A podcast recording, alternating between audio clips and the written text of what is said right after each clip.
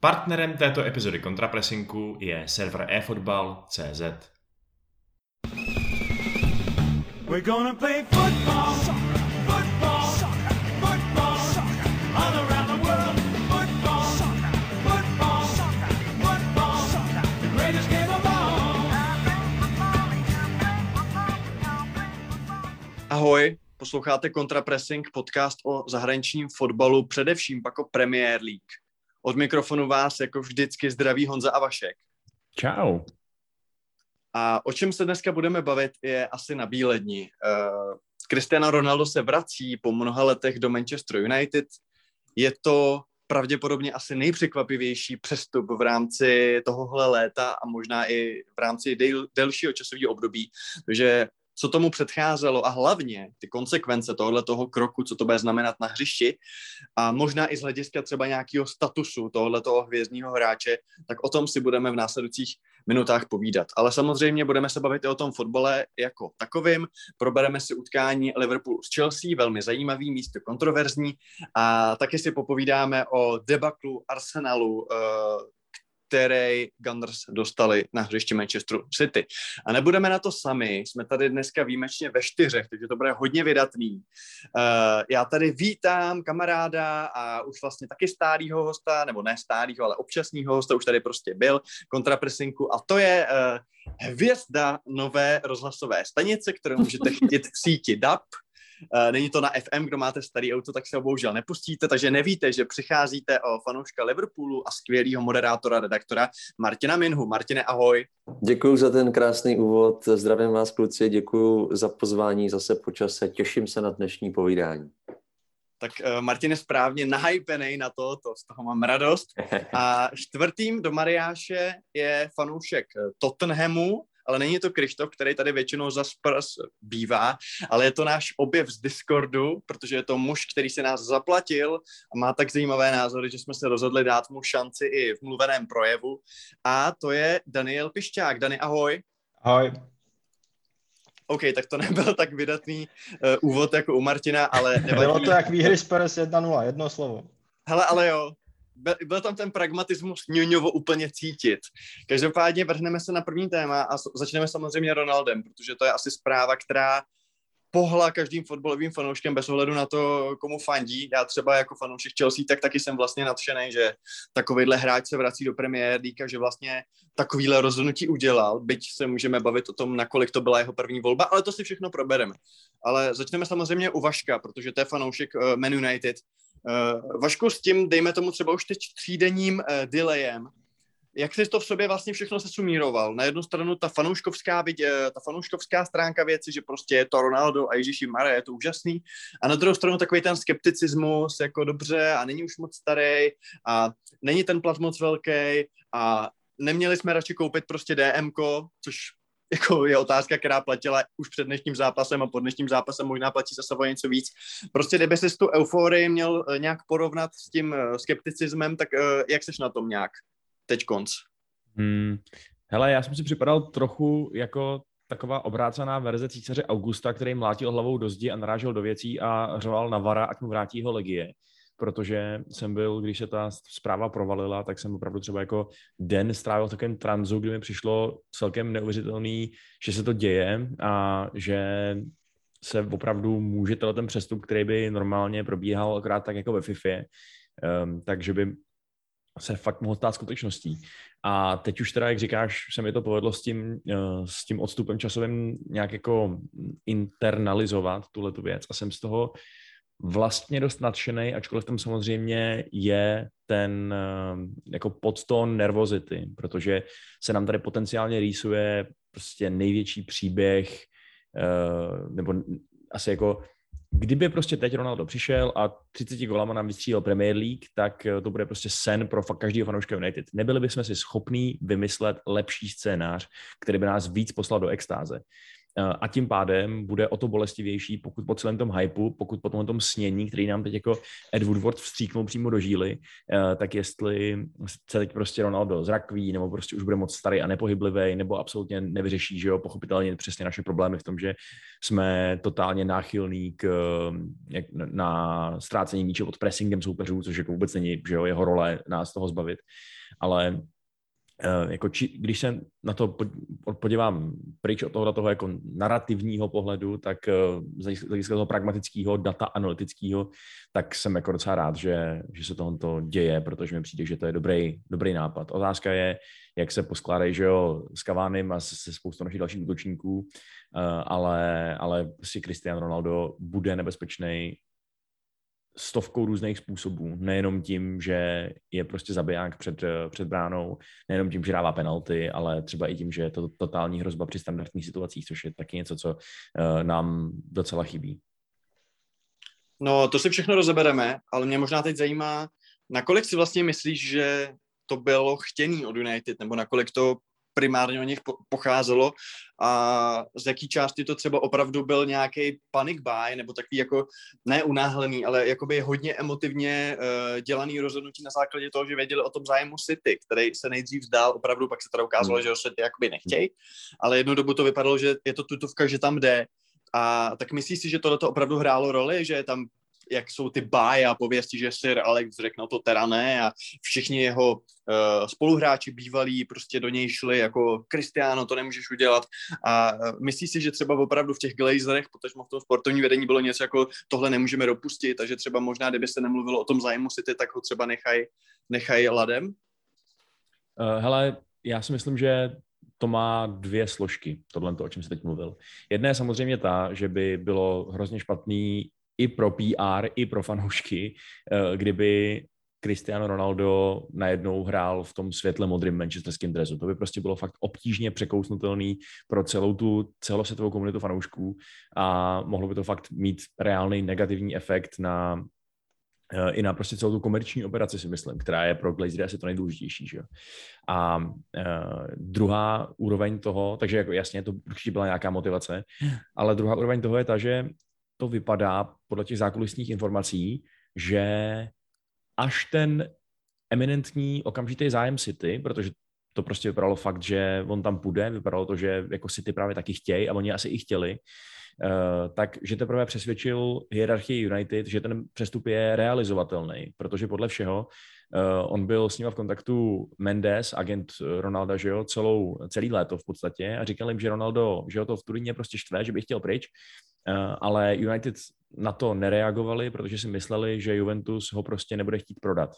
Že po všech těch veřejných prohlášeních uh, Aněliho a dalších lidí, že jo, kteří říkali, že se ho prostě nebudou zbavovat, že to je pilíř Juventusu, že to je prostě pan Turín, uh, tak uh, takže prostě to je v podstatě jako nemožný přestup. A až tehdy, když viděli, že se na to, že se na, na to schyluje k tomu přestupu akorát do špatného týmu, tak najednou nasadili přesně, jak říkáš, možná trochu rychlejší operaci, než je zvykem v tom moderním světě uh, propracovaných měsíce se táhnoucích přestupů a přesně jako najednou říkali Sirovi Alexovi, aby ho překecával a psal mu uh, bývalí spoluhráči a jako spoluhráči z reprezentace a všechno. Uh, takže v tomto ohledu to asi uspěchaný bylo. Na druhou stranu si myslím, že kdyby bývali věřili tomu, že ho můžu dostat na začátku léta, tak by po něm šli a zájem nebo nezájem Manchester City by na to nic nezměnil poslední na tebe Ronaldo se nějak netají, nebo ty okolnosti okolo uh, nasvědčují, že on by neměl problémy do City, že prostě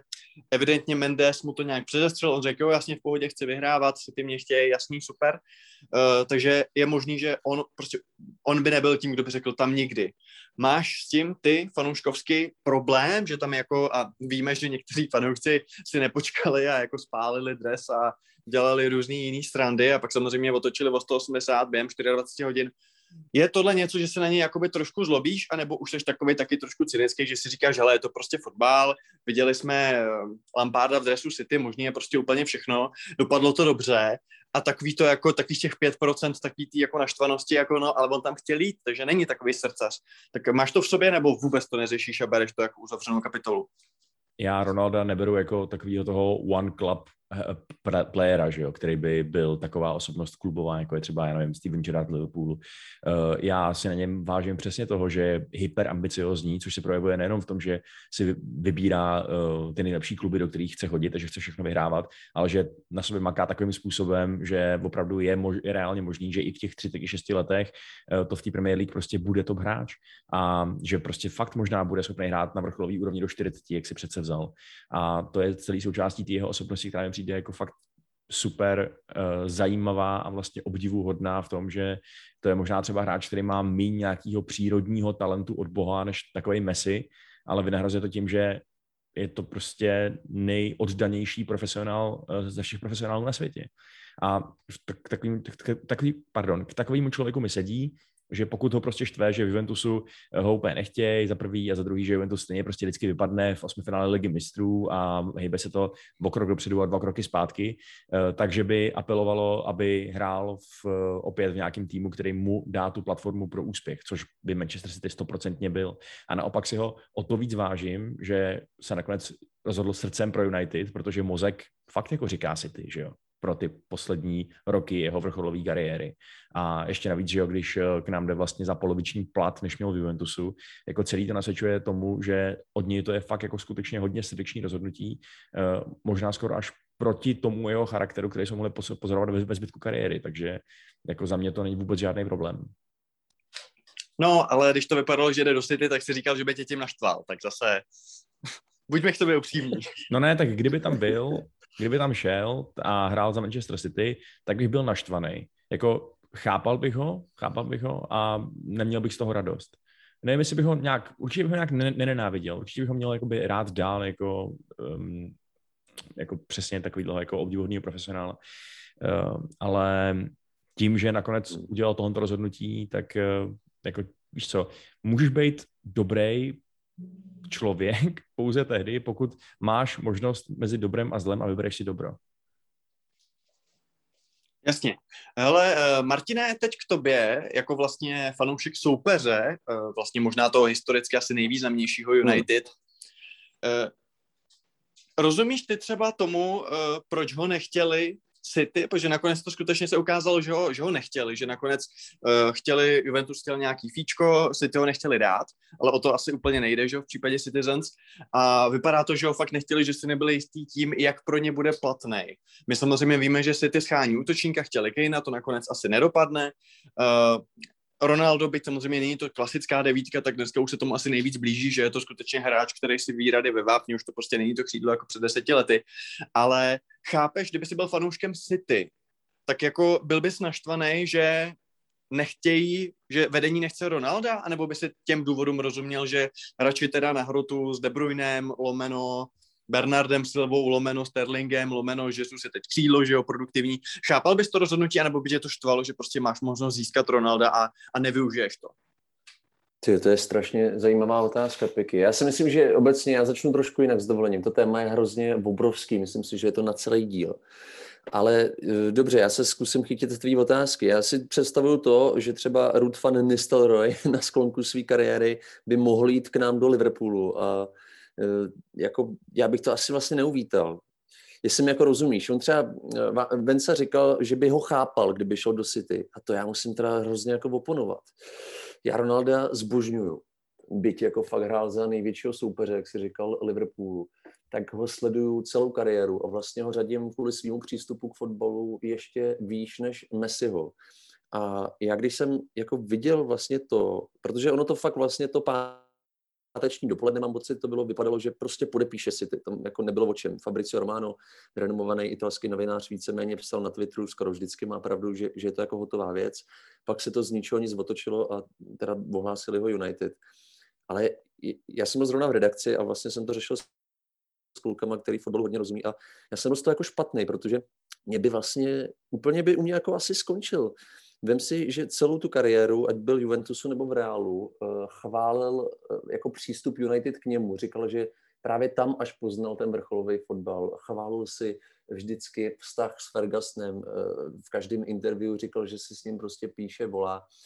Víme to, že pro Ronalda, včera jsem si zrovna ještě pouštěl tady dokument, protože to téma je aktuální, tak znova jsem si to pouštěl a on v každé větě fakt říká, že chce vyhrávat. To je pro něj prostě jako vlastně základ všeho, co on dělá. Takže z tohohle důvodu bych asi trošku jako chápal to, že jde do City, ale přeci, přeci on poznal anglickou kulturu, poznal to, co to znamená a já jsem jako hrozný odpůrce toho, když prostě hráč jde k soupeři, jako k rivalovi. Opravdu a, a u toho Ronalda by mi to bylo jako fakt bude extrémně proti srsti, takže e, nevím, jestli se mě ptáš na to, jestli bych jako teoretický fanoušek City byl naštvaný, že nakonec šel jako do klubu zpátky, který ho vychoval, e, já bych asi nebyl úplně hrdý, kdyby prostě, kdybych teda byl jako fanoušek City, tak bych nebyl hrdý, že k nám jde hráč, který vlastně se udělal jako u, u soupeře. No. Takže tolik jako k té otázce, jinak samozřejmě na Ronalda mám spoustu dalších názorů který ti můžu tady říct. Dostaneme, dostaneme se k ním, bohužel je to velký téma, je nás tady mnogo. Uh, Dani... ještě ti do toho rychle no. skočím, jo. Já si myslím, že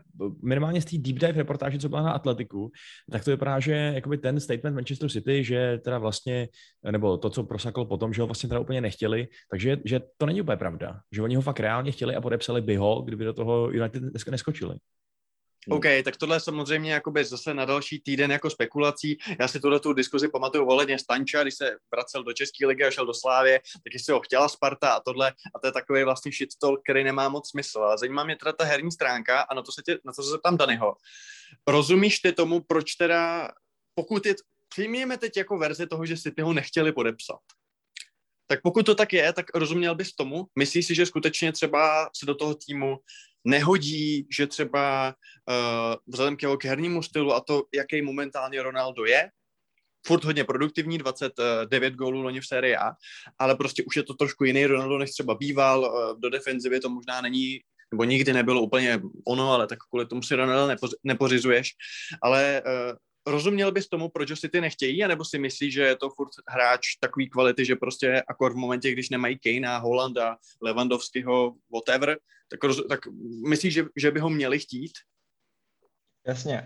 Čau, já bych ještě začal, když se bavíme o těch hráčích, kteří nejsou kompatibilní s týmem, tak abych neupůsobil úplně jako Zlatan, tak napravím svůj fuck ze začátku a řeknu ahoj, díky za pozvání, jsem hrozně rád, že jsem tady. A když se k tomu teda dostanu k Ronaldovi, tak já rozumím tomu, že ho City nechce.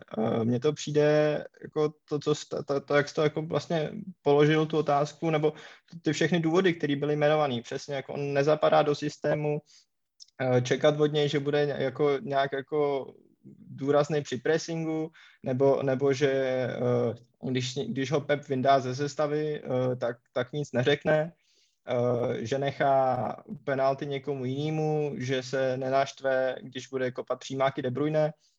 Eh, já si to u něj úplně nevím představit. Eh, já upřímně mám pocit, že i tohle může být trošku problém u United, kdy ten clash s Brunem o tu pozici té hlavní útoční hvězdy týmu při standardkách může být docela zajímavý a u Pepa víme, že pro něj je tým víc než, než suma jednotlivců a, a nikdy jsem neměl problém myslím si, že nikdy neměl problém s tím právě jako někoho se zbavit, když měl pocit, že mu do té týmové koncepce nezapadá snad výjima Messiho. Právě to takhle odnesl Zlatan třeba v Barceloně.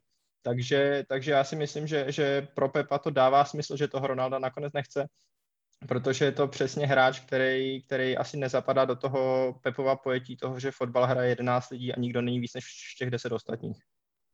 Já jsem uh, četl takový trošku pichlavý názor uh, směrem vlastně na Gunara, který zněl, že uh, se nehodí do City a hodí se do United, nebo míň se nehodí do United než do City právě, protože s tím, co City mají jasně definovaný styl, tak u United moc vlastně nevíme, co chtějí hrát. A hodně to tady přes ty individuality, tudíž by tam uh, Ronaldo nemusel být takový problém. Ty si ale nakous to, že si myslíš, že by to problém mohl být. Ty teda spíš, když si vezmeme ty dva týmy, jedni říkají teda to bude bezvadný, protože on bude ten vzor a všichni se od něj budou učit a Greenwood to pro něj bude vlastně taková jako vyšší odborná, prostě, že vedle Ronalda může takovýho jako velikána jako vyrůstat zůstat a bude pak třeba, pak převezme jeho místo za dva roky uh, a ten druhý tým naopak říká, hele, je to prostě egoista, byť to ego má položený na nějakých reálných základech, ale prostě je to prostě já, uh, já jinak, bude chtít všechno kopat a prostě spíš přinese naopak nějakou negativitu, než nějaký stmelení nebo nějaký jako vítěznou mentalitu. Tak seš teda v tomhle spíš teda pesimista. Myslíš si, že to může způsobit problémy?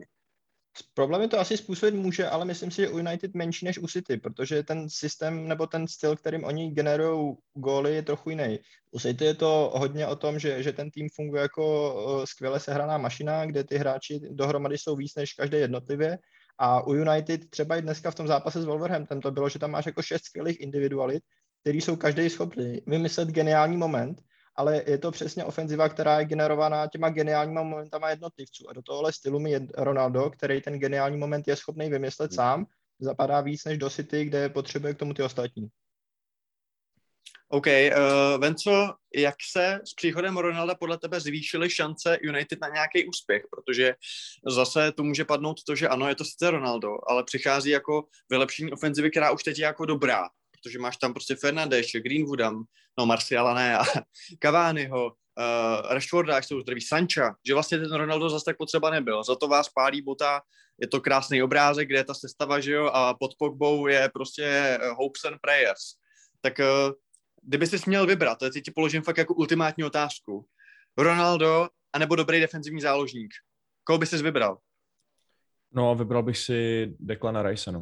Eh, je to prostě, i kdyby, jasně, jak jsem říkal tady o tom, jak jsem tady mluvil o tom úžasném příběhu, který by mohl být napsán, kdyby nám Ronaldo tenhle ten rok vystřílel Premier League, eh, tak jako furt mám takovou naději, že ta stabilita pro tu kostru týmu, kterou všichni vidí, že potřebujeme, to znamená přesně nějaký hráč, co je schopný jako odolat pressingu, co je schopný pohnout uh, tím double pivotem na trošku jinou úroveň, uh, což prostě Pogba není. Opět jsme to viděli, že to prostě Pogba není, že to úplně nepatří uh, na tý, do této konkrétní role, takže by nám mohlo pomoct dlouhodobě prostě daleko víc.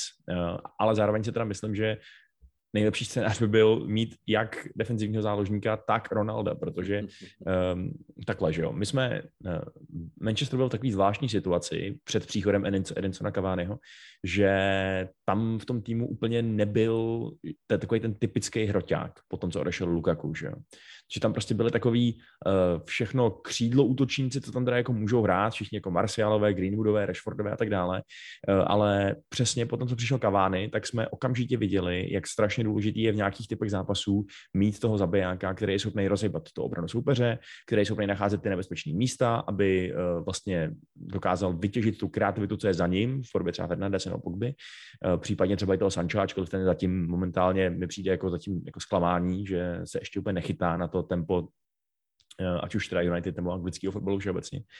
Eh, no a tím pádem mi přijde Ronaldo jako fakt super uh, signing, přesně protože Cavani už taky není nejmladší, taky neodehraje všechno.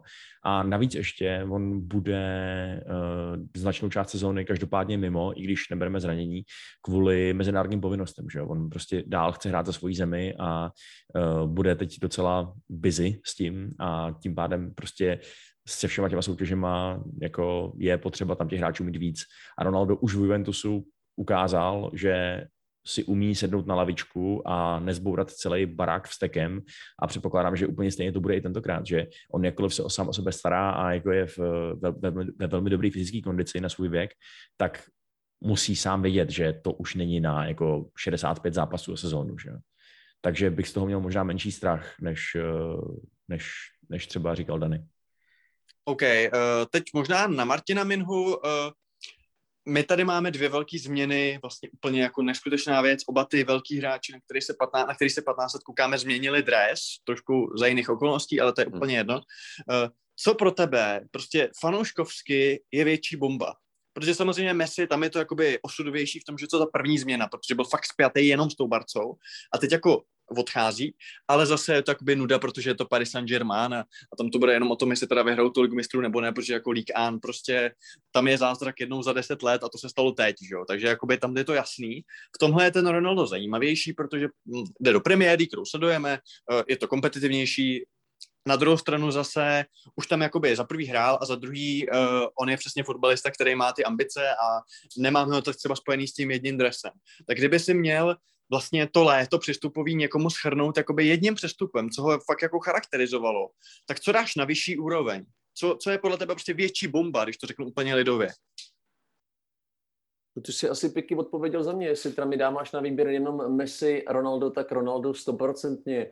kvůli tomu návratu do United. Hele, já jako nejslavnější éru Premier League ze svého jako subjektivního pohledu, kdy jsem to nejvíc prožíval a kdy mě vlastně ten fotbal nejvíc bavil a já jsem vlastně poprvé objížděl stadiony v Anglii, tak to byl rok 2.6 až 2.9 a to byla prostě éra Ronalda. On tam teda končil, to byly jeho poslední tři roky.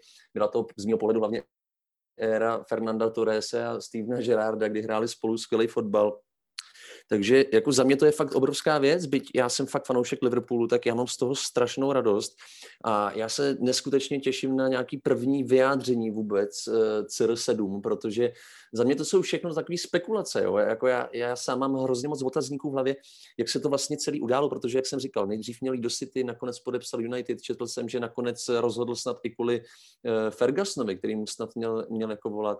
Na druhou stranu jsem i slyšel to, že City nakonec couli v posledním momentu, nevím jako jakého důvodu. A já vím, kluci, že jste tady zdrojovali atletik, já to čtu taky, ale i tam jsem jako necítil to, že, že, že ten novinář, který to psal, tak jako měl úplně ověřený, ověřený informace. Takže za mě rozhodně největší bomba Cristiano Ronaldo v United a já pořád tomu jako nemůžu uvěřit a dokonce mě i Venca trošku překvapil, ale já jsem možná jako tady v tom šílenec, jak toho Ronalda sleduju, že, že by jako bral spíš toho Rice než, než Ronalda, kdyby se měl vybrat. Já vím, že mu je 630, ale já si fakt myslím, včera jsem se o tom bavil s chodou okolností s Tomášem Ujfalušem, že on ještě třeba 3-4 roky fakt může být eh, jako na vrcholu, ten Cristiano už asi od něj neuvidíme 26 eh, koloběžek eh, na lajně a, a prostě obrovský sprinty, ale bude hrát třeba tu pozici Caványho, který hrál, eh, kterou hrál Cavani prostě loni v některých těch klíčových zápasech, kdy rozhodl, tak bude prostě na hrotu. Před hodinou skončil zápas s Wolverhamptonem, který jsem jako sledoval a přesně jsem si říkal, že, a to, to tady říkal hezky, hezky kolega, že, že prostě takový typ hráči tam, tam jako chybí. Takže myslím si, že i United jako koukali na to, že ten Ronaldo bude vzorem přesně pro ty mladý, protože United mají opravdu pořád mladý tým, byť Greenwood teď válí jak blázen, tak potřebuje nějakého mentora a myslím si, že i v té kabině on udělá strašně moc. Za mě prostě fakt jako jednoznačný přestup nejen jako léta, ale třeba posledních dvou, tří let. Fakt jo. Tak jestli jsi se o tom bavil s Tomášem Ojfološem, tak jenom doufám, že to od tebe nejsou denunciační informace, které jsou tendenčně kolportovány. Ale to sem nepatří. Uh, Dany, uh, jak ty vidíš Ronalda na hřišti? Prostě bude na hrotu, vedle sebe bude mít ty rychlý křídla Sancho a Rashforda, až bude zdravý. Po případě Greenwooda, uh, kde podle tebe od něj eh, lze čekat, to je moje první otázka, největší nebezpečí, jestli to bude opravdu ten samý Ronaldo jako to, co hrál v Juventusu, tam hrál často s nějakým druhým útočníkem, tak to tady bude Greenwood, nebo uh, jak to bude probíhat. A druhá věc, uh, jak to bude teda z hlediska nějakých těch standardních situací, který momentálně má pevně v rukou Bruno. Tak jestli si myslíš, že Bruno, a vypadá to tak, že jo, Bruno byl jako nadšený a, a vypadalo to, že je připravený sklopit vocas před Ronaldem, tak jestli to tak skutečně bude, nebo jestli bude nějaká dělba, že třeba jeden přijímá ty, jeden, jeden já. Eh, co vlastně od něj čekáš herně?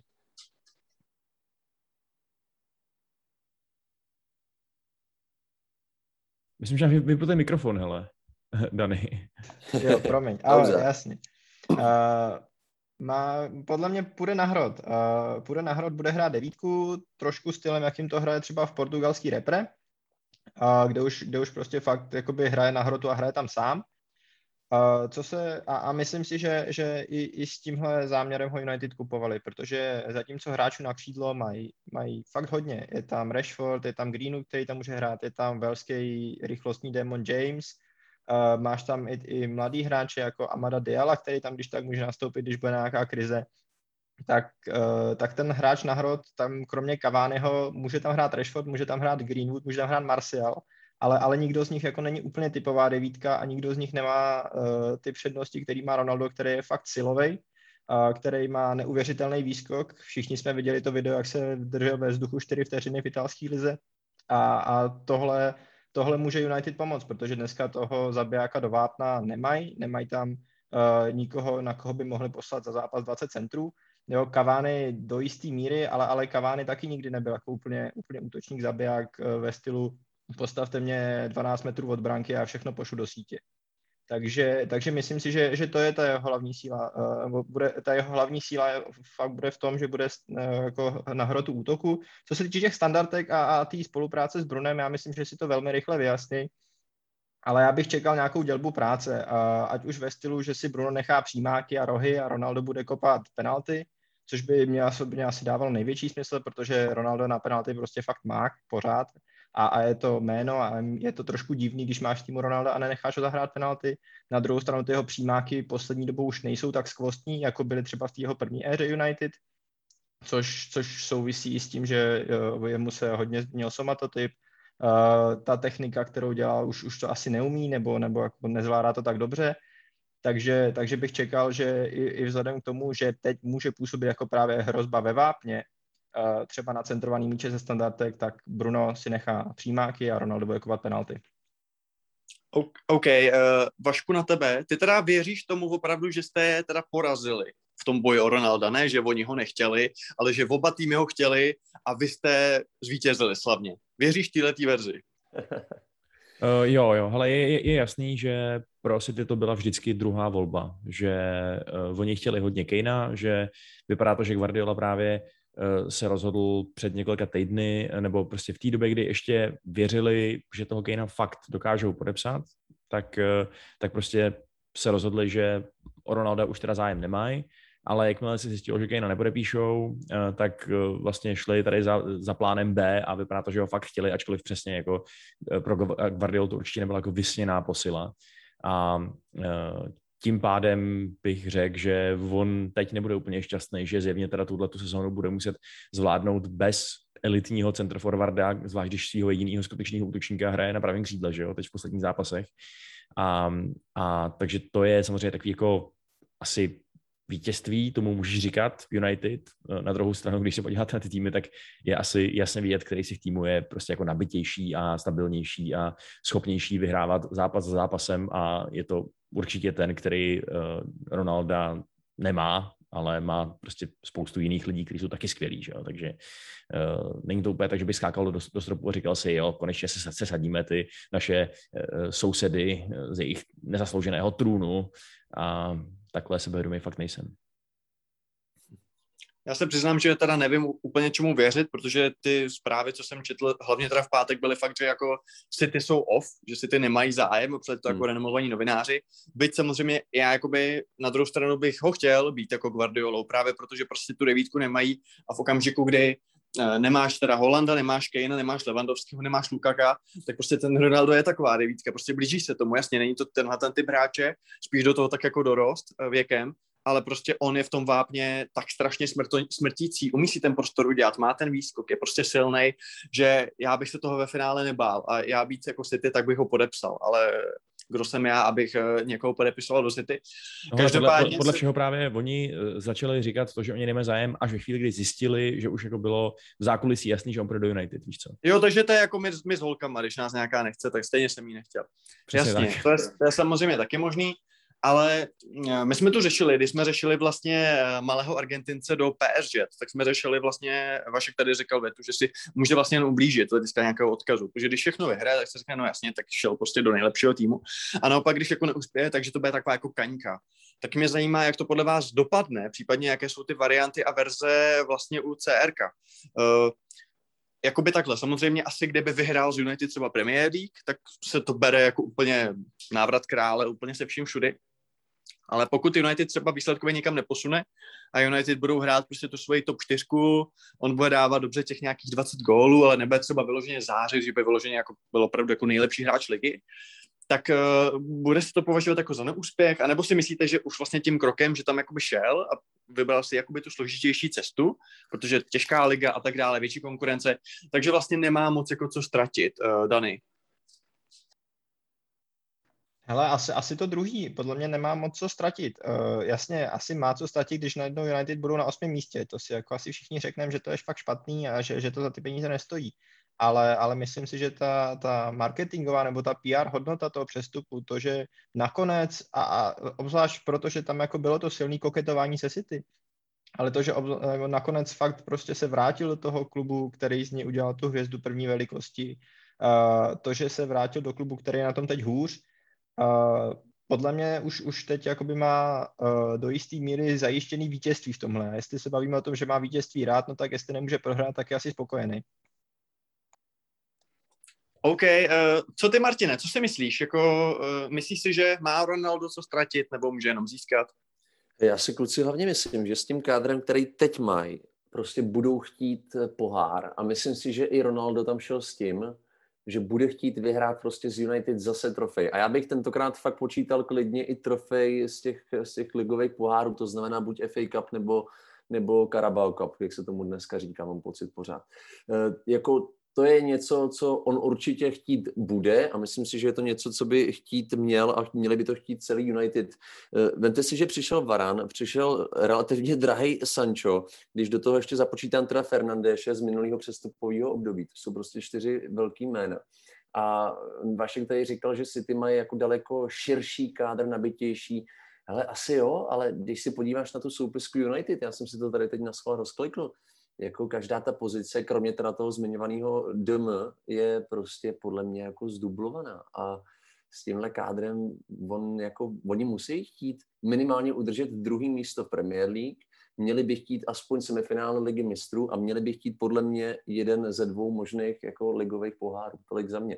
A, a myslím si, že United tam rozhodně nepřišel hrát nějaký jako druhý housle a rozhodně tam nepřišel jen tak, jen tak jako pojďme kluci udělat top čtyřku a budeme tady všichni spokojení. To fakt není jeho styl.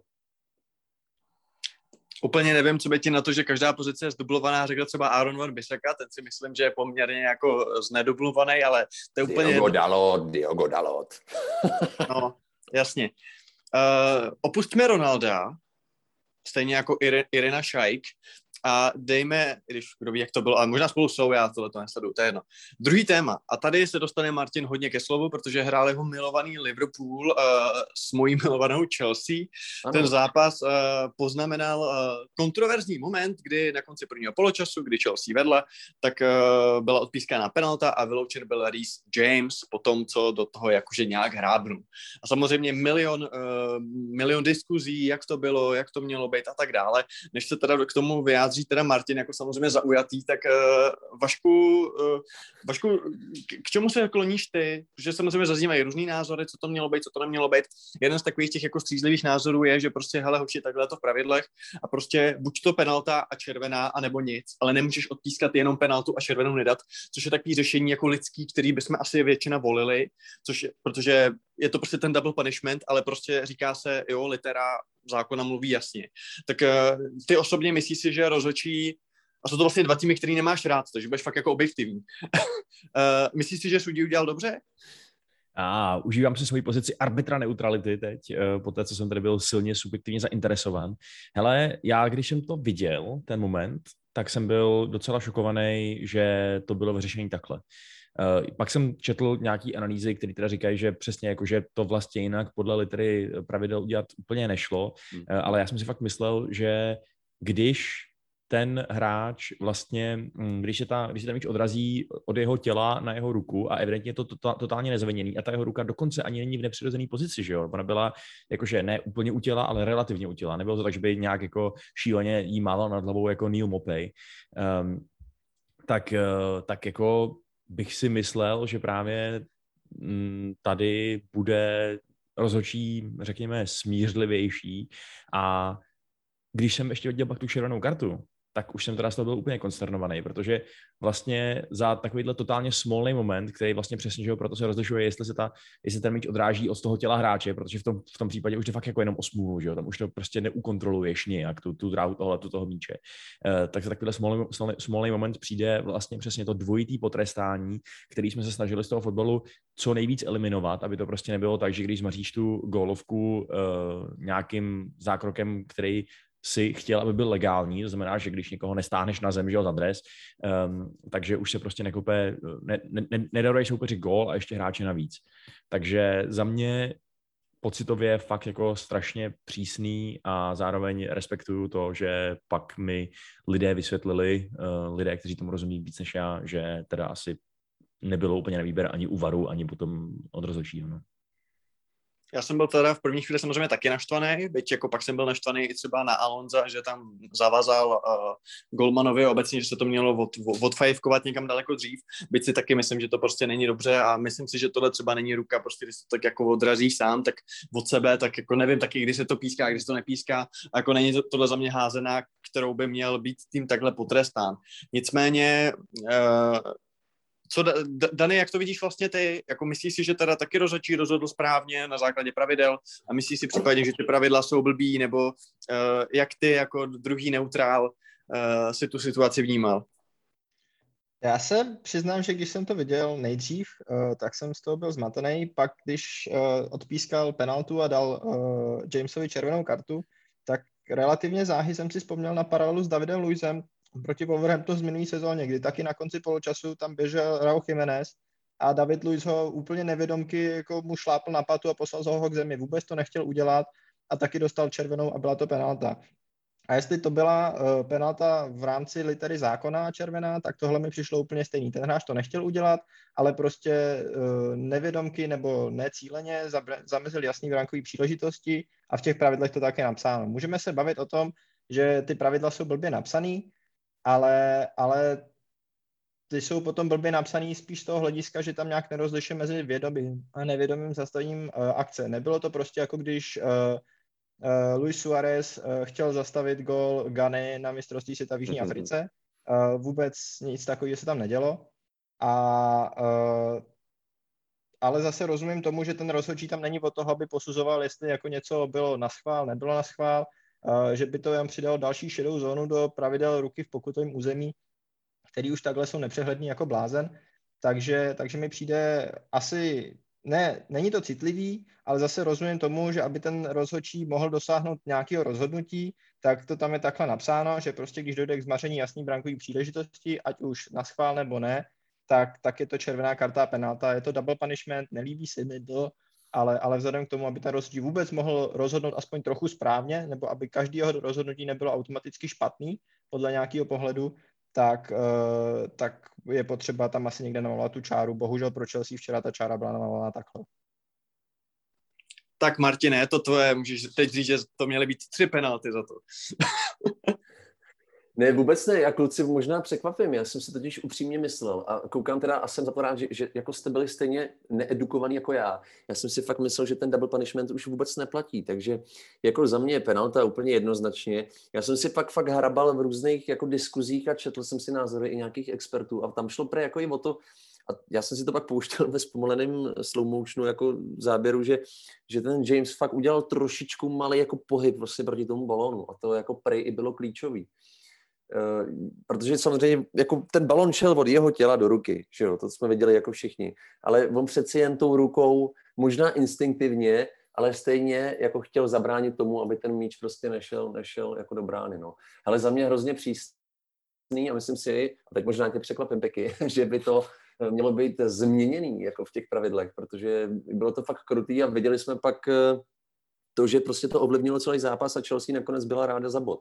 Takže jako tolik asi moje vyjádření k této situaci. Já jsem byl samozřejmě rád, jako fanoušek Liverpoolu, eh, pak jsem nebyl rád, že jsme to jako neproměnili, ale to je asi to je nějaká další otázka. Ale jako k téhle situaci já jsem byl hodně jako překvapený z toho rozhodnutí a, a vlastně, kdyby to nebyl Liverpool, tak by byl asi jako zklamaný. Kdybych byl fanoušek, který nefandí ani Liverpoolu a Chelsea, díval bych se na ten zápas, tak bych si řekl, to je prostě jako obrovská škoda, smula. Já ti rovnou položím, uh, jak jsi byl spokojený, respektive nespokojený s tím, jak jste vlastně s tou 45 nebo 48 minut trvající uh, výhodou pak naložili. Že jako jasně je to Chelsea, je dobře defenzivně organizovaná, ale sakra, jsou v deseti. A vy jim nedáte góla a možná paradoxně jste pak byl jako méně nebezpečný než v tom prvním poločase, protože samozřejmě my jsme zalezli a prostě mm-hmm. logicky ta hra se trošku změnila. Myslím si, že Lukaku se skvěle zhostil té role toho útočníka, který najednou ty mm. úkoly má trošku jinde, než když je jich jedenáct uh, tak jako seš jako zklamaný, odkázal jsi z toho zápasu jako vlastně sakrat, jako sorry, ale tohle prostě musíme vyhrát.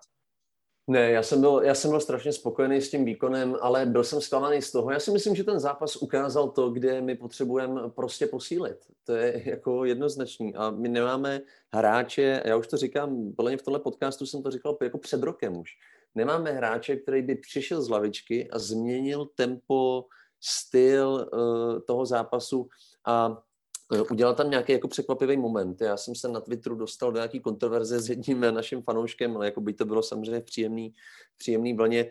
Myslel jsem si, že jako Tiago Alcantara měl přijít na to hřiště dřív, protože si myslím, že on je vlastně jediný teď z těch hráčů, který máme, který dokáže vymyslet přesně něco takového, jako že se dívá doprava, přihraje doleva, to pak, to pak jako vlastně rozhodne, protože ta Chelsea musím eh, opravdu semknout klobouk, hrála fantasticky, dlouho jsem neviděl hrát takhle dobře Rudigera a jako oživení Markose Alonza, já nevím, co s ním ten Tuchl udělal, ale to je jako taky prostě na celý podcast, protože to byl hráč, který mě vždycky hrozně bavil, pak já jsem měl pocit, že se ztratil na dva roky a najednou uh, on je jako fantastický v Chelsea, ale jestli mám hodnotit nás, tak uh, všichni fanoušci Liverpoolu včera zvolili Harveyho Eliota, mladého 18-letého talenta, hráčem utkání. Uh, to byl právě ten můj střed s tím fanouškem. Já jsem říkal, ano, byl jako skvělý v tom, že chtěl furt hrát, chtěl balón, ale já jsem u té televize jako měl pocit, teď budu jako chytráček, že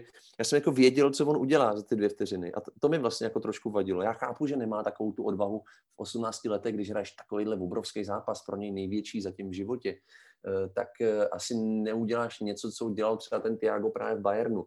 Ale jenom mluvím o tom, že podle, jako jestli byl včera na Chelsea nějaký recept, tak to chtělo někoho geniálního a ani ten Salah vlastně včera nic, nic nevymyslel, byť pochopitelně byl hodně zdvojovaný, nedali mu hráči Chelsea fakt, fakt jako skvělý výkon od Chelsea, ale já jsem, já nevím, já asi po té loňské sezóně jsem nějak, jsem nějak jako změnil kritéria a jsem zatím s tím začátkem sezóny vlastně spokojený a jsem hlavně samozřejmě nadšený z těch stoperů, protože hodně lidí v, v tu minulou sezónu říkalo, že se na to jenom vymlouváme, že jsme měli zraněný stopery. Teď se ukazuje, že to vůbec není pravda, protože Matip byl včera fantastický, ten Lukaku se fakt strašně těžko brání a, a Piky já vám ho upřímně fakt strašně závidím, ale Matip si s ním včera poradil skvěle. Van Dijk taky se dostává do formy, byť mi přijde ještě v některých soubojích ne úplně stoprocentní, ne úplně v té správné fyzické kondici, ale ale věřím tomu, že to bude jenom a jenom lepší. E, nevím, no ptali se včera zase Klopa na tiskové konferenci, jestli ještě někdo přijde, on se ohradil, připomenul jim, že jsme koupili Konatého, že to jako nebyl levný nákup, ano, nebyl, stal 40 milionů euro, e, uvidíme, kdy vyhrát bude, Klop zase na to říkal, že nekupuje hráče na začátek sezóny, ale že se dívá na celou tu sezónu. Budeme hrát spoustu zápasů. Hele, jedna jedna, plný Anfield, jako nevím, no, fanoušci Liverpoolu jsou nároční, já říkám, jsem asi změnil kritéria s tou remízou. Mohli jsme, asi jsme měli vyhrát, no, máš pravdu, že prostě jste měli o jednoho hráče míň, ale říkám, hele, nikdo nepřišel takovej, Eh, bylo pro mě překvapení, ještě teda jedno téma navrhnu, že, že nehrál Diogo Chota nebo Jota, já furt nevím, jak se to správně vyslovuje, furt jsem si to nenašel, někdo mu říká tak, druhý onak. Eh, zkrátka, tady ten Portugalec, který dal ve dvou zápasech eh, Premier League prvních dvou kolech dva góly, tak překvapivě teď nehrál, hrál Firmino, byť se zranil asi ve 42. minutě a Chota nakonec teda hrál jako tu falešnou devítku ale, ale vlastně jsme se k ničemu nedostali, no, obrovská škoda. Je to, je to zase něco, že my, já mám pocit, že my, když nedáme v první půli dva góly, tak pak se nám strašně těžko, těžko hraje a platí to už prostě dva roky a vy jste zahráli, byť jako hodně překvapivě, tak skvěle ten rok. Nevím, jestli to ten Havertz takhle chtěl, to by mě zajímalo, nevím, jestli máš pěkně nějaký interní, interní informace, interní zdroje, ale vím, že se to teď hodně hraje na přední, který to vždycky prodlužuje na zadní a tam má někdo čekat. Teď to Havertz udělal úplně geniálně, byl to jak gol z Fifi. Hele, jedna jedna, ale beru, jako po třech kolech eh, sedm bodů, solidní výkony. Chelsea bude rozhodně favorit na titul, my taky a já fakt očekávám jeden z nejvyrovnanějších jako ročníků Premiership za posledních třeba deset let, budu takový odvážný.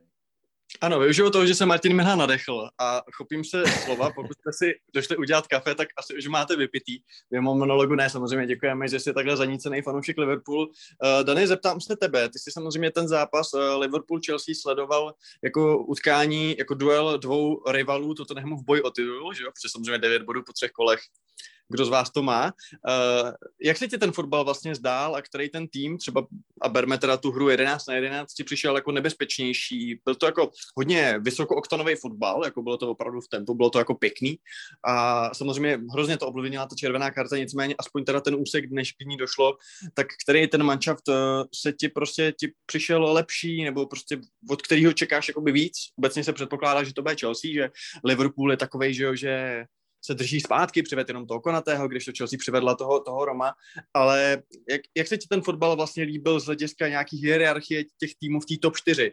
Cítil jsi, že Chelsea bude hrát o titul a, a Liverpool bude hrát tak jako to třetí, čtvrtý místo, anebo si viděl dva jako vyrovnaný týmy? Uh, abych odpověděl rovnou, Chelsea mi přišla lepší. Myslím si, že včera demonstrovala, že je o něco málo silnější.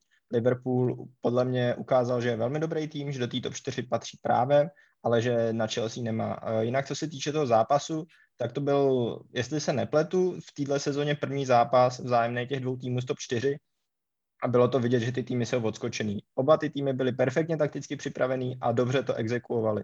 Jo, uh, demonstrovali, že vědějí, co mají hrát, že vědějí, co bude hrát jejich soupeř, napadali slabé stránky toho soupeře a zároveň si byli vědomí vlastních slabých stránek a snažili se je pokrýt, což bylo naprosto fantastický a, a v, nevidíme to úplně často v, ani v zápasech Premier League, že by oba ty týmy byly takhle dobře připravený a takhle dobře si zatím šli. Já si pamatuju v, jedný, v jednom okamžiku v prvním poločase naběhl na displeji takový ty nové statistiky od Oracle, kde se ukazovala průměrná pozice hráče Chelsea v obraně. A to bylo tak ukázkový 5-2-3, že kdo jste to neviděli, tak si ten zápas pusťte znova, jenom aby se se hmm. podívali na to, že ve 30. minutě oni byli fakt v defenzivě průměrně srovnaný naprosto dokonale. Uh, Chelsea uh, podle mě měla o trošku lepší ten gameplan, což může souviset i s tím, že Tuchel je pro Chelsea jak dělaný a, a, a měl a ta hra na tři stopery má proti 4-3-3 asi drobnou taktickou výhodu a Klopp od toho 4-3-3 nechtěl ustoupit. A taky mi přišlo, že Liverpool byl od první minuty hodně emotivní. Uh, nevím proč, uh, jestli to byl jako ten pocit, jako všichni jsou proti nám, nikdo s náma nepočítá, pojďme jim to ukázat, ale v prvních 20 minutách se tam rozhodčího dost vyvstekal Matip, dost se tam na ně vyvstekal Henderson, Salah rozhazoval rukama úplně pořád a Chelsea, i když tam teda měla jako takovýto trojminutový, uh, jako hodně emoční okýnko po té penaltě a na začátku druhého poločasu, než se koplo do míče, tak ve chvíli, kdy se koplo do míče, tak byla strojová. Uh, je extrémně silná, organizovaná, ty hráči bojovali jeden za druhýho. A pro mě jsou v tuhle chvíli největší kandidát na titul. Liverpool ukázal, že je silný, ale myslím si, že je o něco slabší. Mě teď pobavil, jak si řekl, že Liverpool měl pocit, jako všichni jsou proti nám a připomnělo, že jsem minulý týden byl uh, za Kájou Tvarohem, zdravíme, že jo, mám zlomenou nohu, tak jsem ho byl tak jako podpořit mm. mentálně a povídali jsme si a on mi říkal, že když hrál v Anglii, tak se tam všichni Liverpool jako tu oblast jako nesnáší a když, když se tam jelo hrát, tak všichni jako fucking scousers, jo, tak možná ten pocit mají oprávněně, že jsou proti těm, protože to je opravdu asi taková, jako takový svět sám pro sebe. Uh, Vašku, na tebe mám hodně důležitou otázku z hlediska nějaký fotbalové taktiky a tak. Uh, jak se ti líbí Jürgen Klopp bez Brady? tak to je otázka přímo na mě samozřejmě. Já jsem známý jakožto módní guru pro celé, celé, celé pražské uh, publikum, které sleduje Premier League, takže jestli se někdy třeba uvidíme na živo, tak uh, vás možná skritizuju třeba za nějakou volbu oblečení. A musím říct, že Jürgen Klopp bez Brady je podle mě takový vzácný příklad toho, kdy Eh, kdy ten člověk vypadá fakt jako proměněný, mi přijde. Jo, to je úplně neuvěřitelný. Fakt, kdyby kolem mě šel klop tady někde na Hračanský bez brýlí, tak bych ho asi nepoznal. A až když, by, až když mi to někdo jako řekl, tak bych za ním běžel a prosil ho odpis eh, a pak to třeba doma rituálně spálil. Ale jo, jako připadá mi, že je to pořád takový um, dobře vypadající chlápek a akorát prostě právě jinak. No. No mně právě přijde, mně právě přijde Vašku, že je takový jako bez očí teď, jako by víš, že je takový fakt, že je to fakt strašně divný. A i když chápu, že ten laser má asi svoje, uh, svoje jako výhody, že nemusíš nosit brýle, tak jako bude to trošku nezvyk, ale ne, znám ti samozřejmě fotbalovou otázku. Uh, co jsi říkal na toho Harveyho Eliota? Na jednu stranu tady padlo, jasně, mladý kluk, super, hráč zápasu, ale přesně, jako jak říkal Martin, je to furt jako mladý, mladý prostě zajít a dáš ho do takového zápasu, který eventuálně může být třeba o titul, protože nevíme, jak ty body budou se sčítat. Tak myslíš si, ne, že to byla chyba, ale prostě myslíš si, že nebo chtěl bys jako fanoušky, představ si tu úchylnou věc, že jsi prostě fanoušek Liverpoolu. Chápu, že je to pro tebe naprosto prostě jako strašlivost. Uh, dal bys do takového zápasu Eliota? Jako jsi tohohle fanda, protože víme, že Klopp tyhle ty bolt moves prostě umí dát tam. Loni to byl Jones, že on každou sezónu vytáhne jednoho střídáka 15 letého a dá ho do těžkého zápasu. Hmm. Uh, tak uh, u Chelsea je to Gilmour, že jo? Tak jako seš toho fanda, anebo si říkáš, kurně, a dej tam radši prostě někoho zkušenějšího, protože prostě ten kluk jako, a nemůžeš se na něj zlobit, nemůže odevzdat desítkový výkon. Eh, no, hele, od té doby, co Rashford, hráč, který jsem neznal, nikdy jsem o něm pořádně neslyšel, přišel na scénu, jak na ní přišel, tak si myslím, že uh, jsem se poučil ohledně těch soudů, že mladíci nemůžou rozhodnout těžký zápasy. Uh, jako jasně, ta deka na někoho může padnout určitě, ale na druhou stranu si myslím, že, pro, jako, že už už v této sezóně, že jo, to, to, to, to, to, to pro toho mladého Harveyho prostě nebylo, um, nebylo poprvé, co takhle prostě byl v základu a hrál výborně, takže to myslím, že mu taky dodá strašně moc vědomí. A jako upřímně, když se na to podívám na, i na třeba tu lavičku, tak jako koho bys tam za něj na první dobrou dal, protože má tak dobrou formu a je tak strašně uh, jako v laufu, že, že by si to místo zasloužil. Já přesně jsem tady už několik, několikrát říkal, že u toho Liverpoolu nevidím takovou hloubku toho kádru, přesně jako u Chelsea nebo u City. A to je případ i těch uh, středáckých pozic, kde mi přijde, že jako Nabikita dobrý, Tiago dobrý, i když teda daleko horší, než jsme si třeba jako mysleli, že, že to bude. Alex Oxlade-Chamberlain hmm. to samý, uh, ale jsou to hráči, který by, eh, který by prostě si kopli v Chelsea nebo tak? Nemyslím si. Dany, ty jsi tady zmínil, že oba týmy dobře kavrovali své slabiny. Kdybys to měl rozvíst, tak eh, kde vidíš u Chelsea a u Liverpoolu třeba jenom jako v několika nějakých pointech prostě uh, jejich největší slabiny? Co si myslíš, že, a když teda hrajou v jedenácti, tak kde si myslíš, že ty týmy mají největší rezervy? nevím, jestli rezervy, ale ten slabý bod té uh, sestavy Chelsea nebo toho rozestavení je ve chvíli, kdy oddělíš uh, wingbacka, středního obránce a, a středního záložníka od sebe. Hmm. A bylo to přesně vidět, že Liverpool se snažil útočit do těchto half spaces s tou průnikou přihrávkou, že tam jako občas si Mané přeběhl k Salahovi a snažili se průnikou přihrávkou přesně toho jako levýho středního obránce aby uh, donutit, aby si vybral jednu stranu, aby to mohli přehrát dva na jedno a nedařilo se jim to. A, a to mi přišlo jako až děsivý, že ten tým ví, že tam je slabina, ten druhý tým na to útočí, posílá tam dost možná nejlepší křídelníky na světě a stejně se to nedaří. Ze strany Liverpoolu uh, myslím si, že si byli vědomí toho, že že aby uh, překonali Chelsea, tak musí taky natáhnout a pak rychle zkrátit hřiště což byly přesně ty důvody těch střílených průnikových přihrávek od stoperů, který občas nevyšly. Ale, ale celkově to pro hmm. mě prostě znamená, že, že Chelsea si byla vědoma těch, těch svých slabin a dokázala je pokrýt a to bylo teda pro mě fakt až děsivý a, a povyšoval to fotbal na umění v té defenzivní činnosti. Martine, ty jsi tady zmínil o vaše přestupové, nepřestupové období Ibrahima Konate, který byl účastný z ledna, jinak nikdo. Uh, Vnímáš tohleto jako něco, a samozřejmě stopeři uzdravený, že jak by řekl Arzen Wenger, like new signing, Vnímáš to jako něco, co třeba máš tomu vedení trošku za zlé, prostě myslíš si, že měl teda přijít někdo, protože odešel Šačiry, že jo, za něj no. jakoby nikdo, což jako ano, třeba v Liverpoolu nehrál tak dobře, jak byste chtěli, nebo nebyly tam takový vztahy, ale jako určitě je to kvalitní ofenzivní hráč, co už ukázal mimo jiné na Euro. Tak Jasně. myslíš si, že takovýhle typ třeba nějakého ofenzivního univerzála, křídlo, lomeno, hroťák, ty jsi zmínil, neměl tam kdo přijít pak, uh, přišel tam Žota, teda jakoby dřív, než se třeba čekalo, ale chtěl bys prostě, koho bys chtěl, kdybys si jako měl vybrat, nebo vnímáš to jako prostě prokaučovaný to přestupový období tím, že někdo nepřišel? Jo, já asi už jsem to zmínil v té minulé odpovědi, ale když zmínil si Šačeryho, to je asi věc, kdyby se mě zeptal, kdy, jako, kdyby se mě zeptal na to, jestli bych se mohl Klopa já na něco zeptat, tak bych se určitě zeptal na to, proč pustil Šačeryho a proč ho vlastně nehrál častěji, protože za mě je to naprosto geniální hráč, kterýho jsem já viděl asi pětkrát naživo a přesně, ty jsi to říkal, to, to, jako třeba už na tom euru on zase vynikal, je to hráč, který přesně má ten moment překvapení, o kterém jsem já mluvil, a ten moment překvapení fakt u nás má jenom Tiago, který se pořád nemůže dostat do té správné formy. Eh, na druhou stranu, ptal se mě, koho bych si jako vybral. Já bych si vybral třeba místna Greenwooda, jako. Eh, takovýhleho, takovýhleho nějakého hráče, který se nebojí jít jeden na jednoho, nebojí se vystřelit eh, z úhlu, nebojí se vystřelit z dálky. Uh, nevím, no, jako pokud se nepletu, tak ten Origi tam pořád někde jako figuruje na naší soupisce, což já pořád nechápu. Minamino se vrátil z hostování, který za mě, to už jsem taky snad říkal u vás, jako nemá ani fyzický dispozice pro tu premiership a zatím prostě na to nemá, no. Eh, Dany to říkal hezky, já si myslím, že my, my ten kádr prostě fakt nemáme široký a to je prostě naše slabina. Jak se spal Danyho na slabinu Liverpoolu, podle mě to je kádr, protože když hraje jedenáctka základní proti slabým týmům, myslím si, že bychom měli i v téhle sezóně, pokud nepřijdou zranění, které přišly loni, eh, všechno vyhrát, kromě těch jako top-top zápasů. Ale právě v těch top-top zápasech, eh, vidíme to i u City, často rozhoduje rotace kádru a rozhoduje nějaký moment překvapení. Rozhoduje to, že ty hráče prostě pošetříš a pošleš tam stejně kvalitní. A to my si prostě nemůžeme dovolit, protože ty hráče nemáme. A to je podle mě náš problém. No.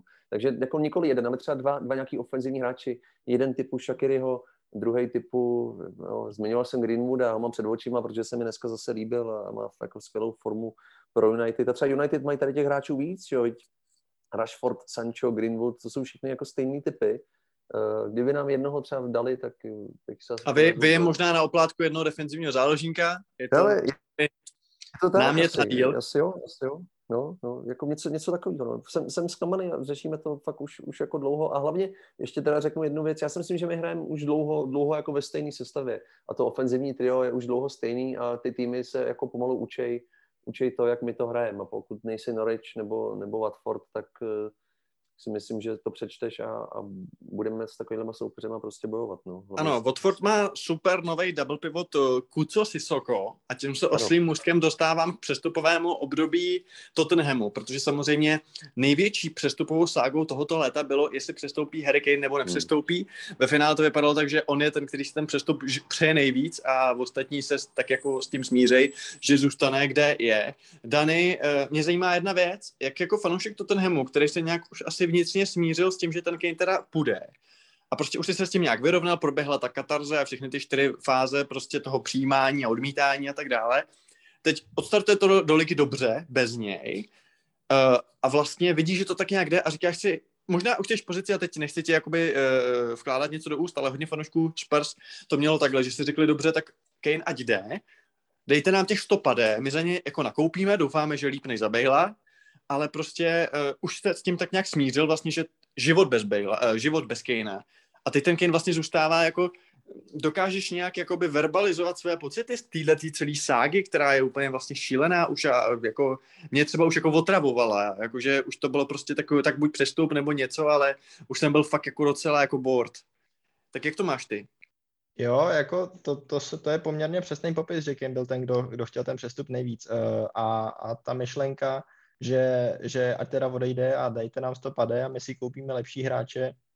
Uh, to, tu, tu, já jsem zastával tak jako někdy možná od března, od dubna. Já jsem jako měl už, už ke konci Mourinhovy éry pocit, že, že je proto ten hem něco jako pervitin pro řidiče nákladňáku. Jako jasně, nejdřív toho dovezeš víc, ale jsi na něm víc a víc závislý a, a na konci to bez něj neumíš hrát a skončíš v léčebně.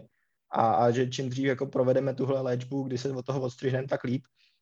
Eh, zůstává, myslím si, že eh, ten návrat eh, k fanouškům Tottenhamu je mý komplikovaný, než by se mohlo zdát, nebo než by se mohlo zdát navenek a jsou u toho dva velký faktory. Jeden je faktor Nuno Espirito Santo, který každou otázku, kterou dostal na Kejna, dokázal zvládnout naprosto s přehledem a, a jako s grácí a, a nikdy se jako nerozčiloval a vždycky odpověděl s úsměvem a jako vždycky tak nějak jako compost. A, a zároveň u Nuňa vidíme, že když ten hráč jako nechce hrát za Tottenham, což je teď případ Tangi Endombeleho, tak ho Nuno vyrazil ze sestavy. Tangi jako není v nominaci, není v nominaci do konferenční ligy. Když jsme hráli uh, v Portugalsku před kolo konferenční ligy a nastupovali uh, tam hráči z juniorky, tak Tangi Endombele nebyl v nominaci. A, a místo něj jako na hřišti byl 18 letý Nile John. Takže, takže myslím si, že Nuno přesně ukázal, že uh, hráči, kteří nechtějí hrát za Tottenham, si pod ním nekopnou a to, že ten Kane hraje, tak je nějaký signál fanouškům Tottenhamu, že, že asi fakt hrát chce, nebo že minimálně Nuno je o tom přesvědčený.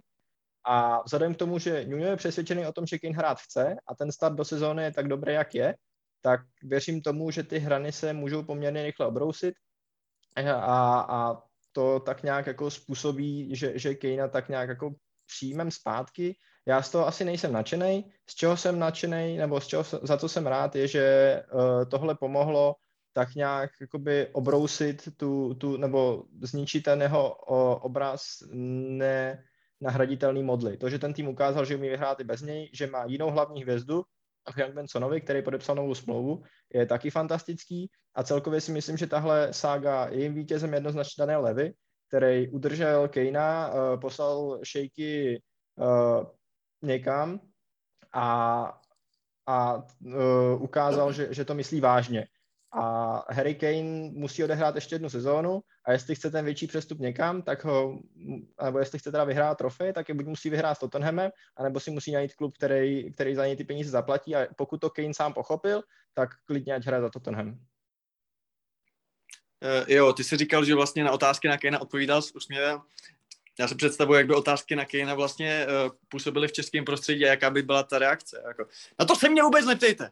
Přesně vůbec tak, přes... na tohle se mě vůbec neptejte. Představ, představ Ve vašem věku. odpověděl Petr Rada. Jako. No právě to, ano, to ano. jsem se pokoušel parodovat a já nejsem moc dobrý herec na rozdíl od Vaška.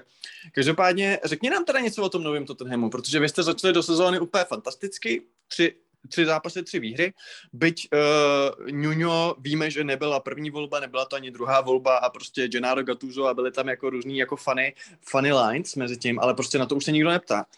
Uh, teď vlastně jste ukázali, že prostě to nějak jde, tak uh, jsou to hodně úsporné výsledky a mně se trošku nabízí paralela s Muríněm, protože samozřejmě ten taky hrál jakoby hodně, dejme tomu, defenzivně nebo pragmaticky na protiútoky, ono to k tomu i vybízí, když máš hráče jako Huminson.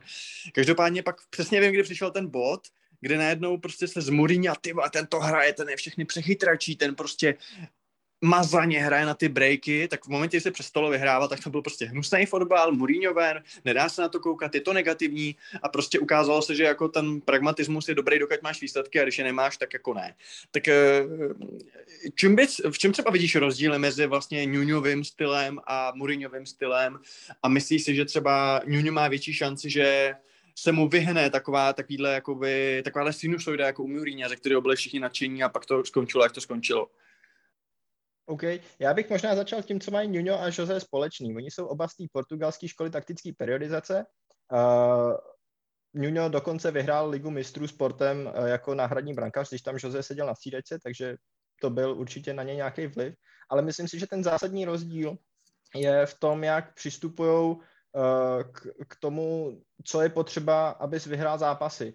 Uh, a u Nuno je to to, že on chce porazit soupeře svým fotbalem, zatímco Jose hledá cesty, eh, jak zabránit soupeřovi hrát jeho fotbal. Eh, to se jasně projevilo už v přípravě, eh, kdy Nuno má daleko větší důraz na fyzickou kondici a myslím si, že to je ten největší hmm. rozdíl toho Tottenhamu, který sledujeme teď a který jsme sledovali minulou sezónu. Jasně, je to pořád systém, který je založený na tom, že když nedostaneš gol, nemůžeš prohrát, ale zároveň vidí, že i tak strašný obránci, nebo obránci, o kterých jsme si minulou sezonu mysleli, že jsou strašný a naprostý odpad a že by si nekopli ani ve Vardsdorfu, jako třeba Erik Dyer, tak najednou bránit umějí, protože nemají ve 45. minutě jazyk na vestě a protože ty hráči před něma zvládají běhat. To znamená to, že ten Tottenham teď zvládá hrát 90 minut, to, že zvládá hrát uh, v druhé půli aktivně, což jsme třeba dneska viděli proti Watfordu, kdy to skončilo 1-0, ale Tottenham mohl v druhém poločase dát 4 góly, protože ty hráči zvládali běhat a, a to, že Sisoko s Kuckou 90 minut okopávali, jim vůbec nevadilo.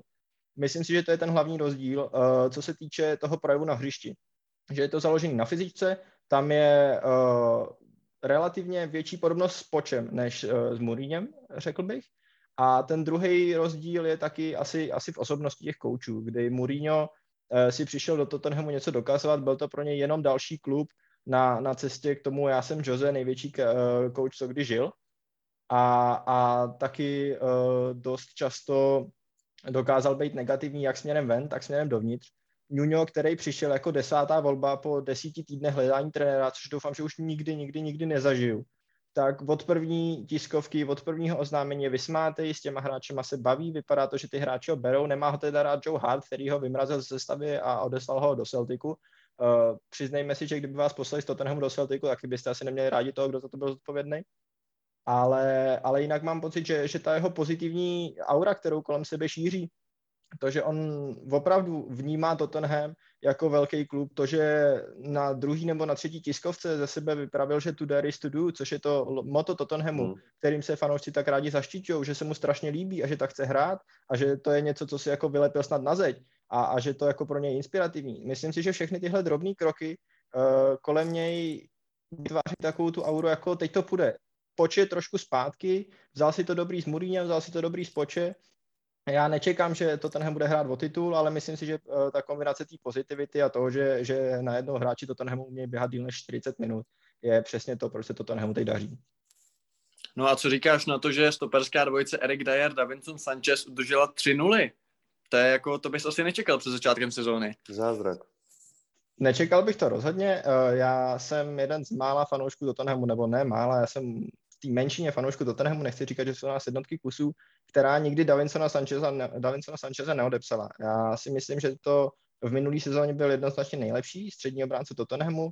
Bylo to vidět na statistikách. Eh, jasně, byl asi nejlepší, protože on je jako fyzicky fakt nadupaný uh, za tři. Uh, a má, má to štěstí, že když, když něco pokazí, tak většinou ještě toho útočníka stihne doběhnout nebo to tam nějak zaskluzovat. Neodpustí si tu jednu hrubku za zápas, což ostatně ani Erik Dyer, protože to, jak namazal Adamovi ve Wolverhamptonu, to bylo strašný, strašný, strašný. Uh, ale že udrželi tři čistý konta, no v tom prvním zápase proti City byli rádi, že po 15 minutách neprohrávali 3-0. Pak si najednou řekli, že umějí hrát fotbal taky.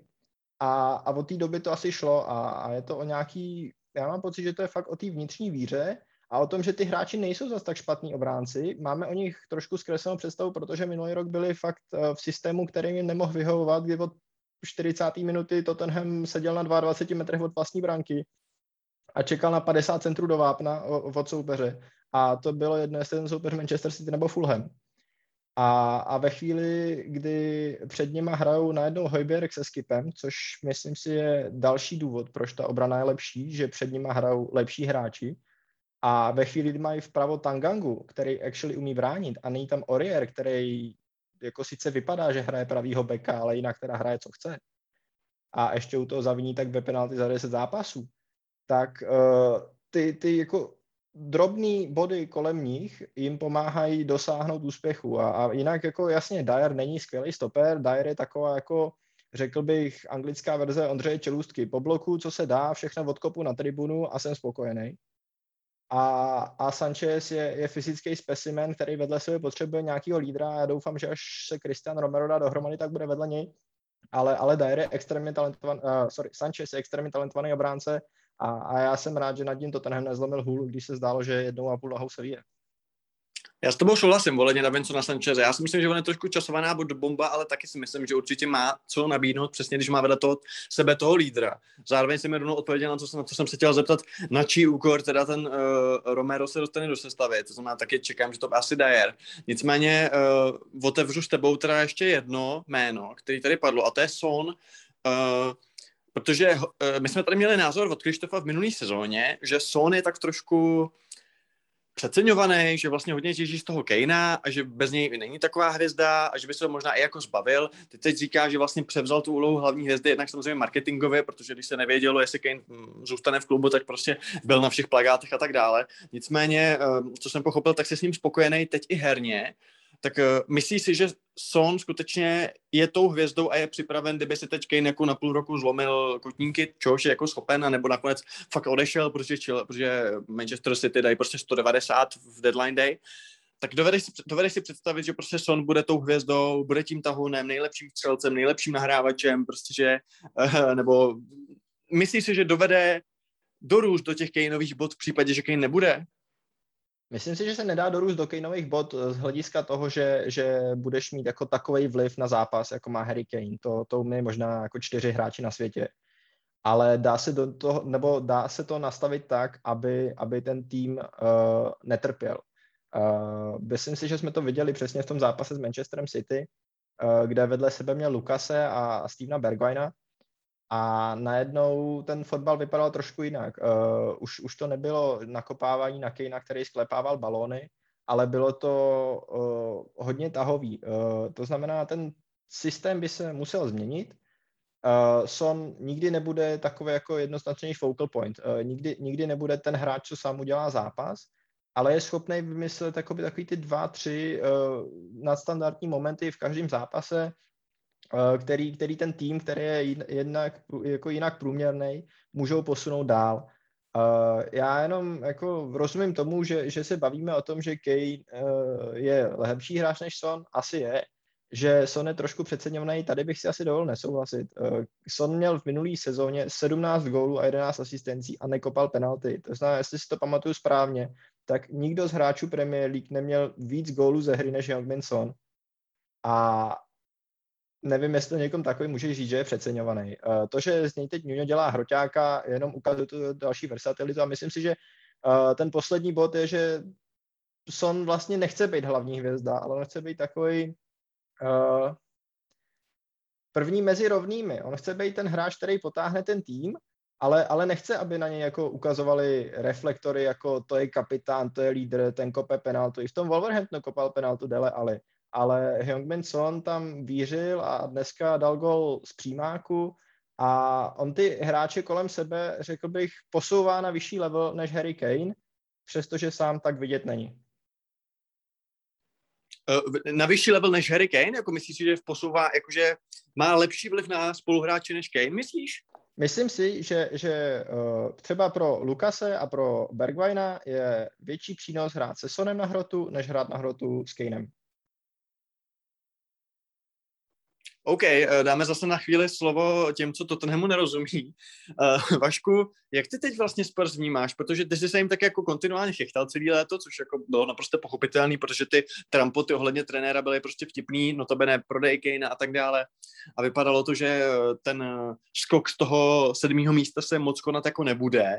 A teď jako Spurs jsou konzolidovaný, v prvním zápase vlastně ukázali, že jsou i bojovní, zároveň mají tam i nějakou fotbalovou kvalitu, teď Kane zůstává, tak uh, myslíš si, že můžou nějak promluvit třeba uh, do boje o top 4, nebo to si myslíš, že jasně daná, případně teda my jsme se bavili o tom, že ty si říkal, myslím, že Leicester vidíš jako pátý nejsilnější tým, tak věřil bys třeba teď, je to jako furt co takový jako žvanění, protože máme odehraný tři kola, ale v nějakém power rankingu máš teď Spurs prostě nějak výrazně vysoko, nebo furt je to nějaký začátek sezóny, kterýmu nechceš nic přikládat?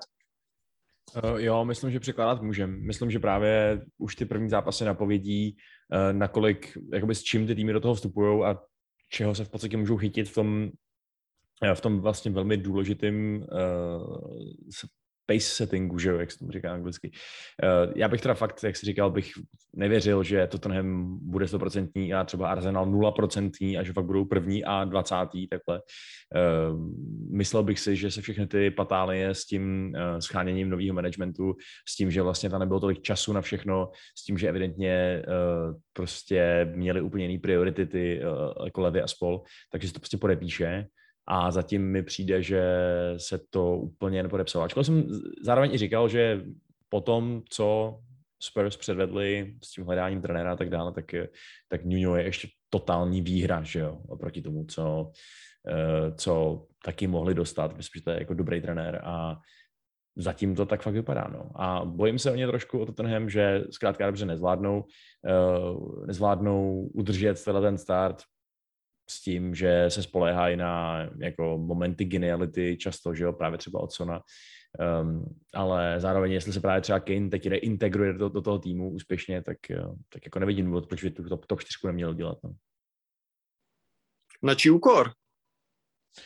Uh, no, jako pokud bude třeba United hrát stejně jako hrá, hráli proti uh, dneska v tom zápase, tak, tak jako proč ne na, na, na, na náš úkor? To jako byl to třeba fakt dneska špatný výkon, který nějakým zázrakem a dechovýma čarováníma na léně skončil naším vítězstvím, ale jako dopadlo to může jakkoliv. No. Uh, co ty, Martina, jak ty vlastně vnímáš Spurs teď, jak jsi vlastně sledoval celou tuhle tu ságu a myslíš si, že to třeba může posílit vlastně ten, protože asi jako Kane asi není ten typ, aby zase jako celý rok trucoval, jestli se s tím nějak smíří, bude mu to trvat tři neděle, tak pak bude zase dobrý. Tak uh, myslíš si, že ve finále Spurs můžou být jako nějakým překvapením sezóny, že na to, jak se čekalo, že teď budou postupně jako, uh, nebo že nehrozí rozhodně nějaký jejich návrat jako do top kvarteta nebo někam, tak myslíš, že třeba teď můžou mít jako dobrou sezónu? Myslím si, že budou rozhodně lepší. Mimochodem, jak se mě ptal na hráče, kterýho by jsem chtěl do Liverpoolu, tak jsem zapomněl pochopitelně na Sona, takže děkuji kluci, že jste mi ho připomněli. To je za mě obrovský eh, poctivec, dříč, technický hráč. Dany zmiňoval ty čísla z loňské sezóny, 17 gólů, 11 asistencí a já si myslím, že by to Spurs zvládli. Eh, nevím, jestli celou sezónu, ale kdyby ten Kane opravdu odešel, a nikdo by místo něj nepřišel, tak si troufnu říct, že by to Son vzal jako tak trošku na sebe, byť víme, že loni to hlavně uh, zkrátka jako šlapalo jim dvou, protože prostě hráli spolu, jo. Uh, myslím si, že klíčový moment bude opravdu to, jak se Kane zachová. Zatím to vypadá tak, že se zachová velmi profesionálně. Víme, že už hrál um, vlastně v Premiership, dal dva góly v týdnu v, v Evropě, pokud se nepletu. Takže myslím si, že tam asi, tam asi bude všechno, co se jako kádru týče, všechno při starým, jenom prostě skip vystřídá zmiňovaného Dombeleho, ale já si musím teda říct, že jsem neviděl poslední dva zápasy do Tottenhamu, ale viděl jsem to první kolo se City. A by the way, jako Dany, ty máš skvělý insiderský informace, který teda hrozně cením, ale přesně s tím jako souhlasím. Já jsem měl pocit, že mají strašně naběháno ty, ty kluci všichni. A bylo to jako neskutečný a myslím si, že i proto jako vlastně zvítězili nad tím, nad tím Manchesterem City v tom prvním kole. Takže zpátky jako k tvý otázce, Nuno Espirito Santo se mi strašně líbil už ve Wolverhamptonu, byť ten jako neměl nějak, nějak jako skvělý vlastně výsledky, když se spodíval na tu tabulku, ale, ale jako to, co tam udělal s, tom, s tím svým portugalským planem, mně se vždycky ty zápasy prostě líbily a myslím si, že si tu hru dokáže převíst na tu, na tu vyšší úroveň hráčů, který prostě jsou v Tottenhamu. Musíme si říct na rovinu, že Tottenham je prostě kvalitou jako jinde než Wolves.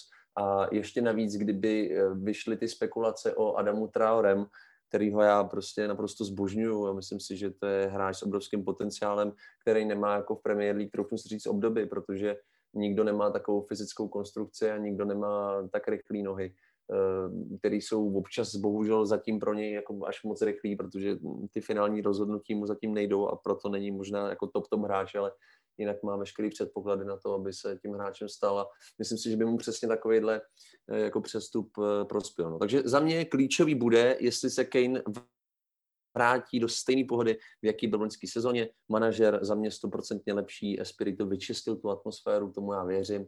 Nemám rád oba dva zmiňovaný stopery, za mě tři čistý konta je pro mě, jako už jsem to tady říkal, zázrak. Takže tolik asi Kaspurus za mě.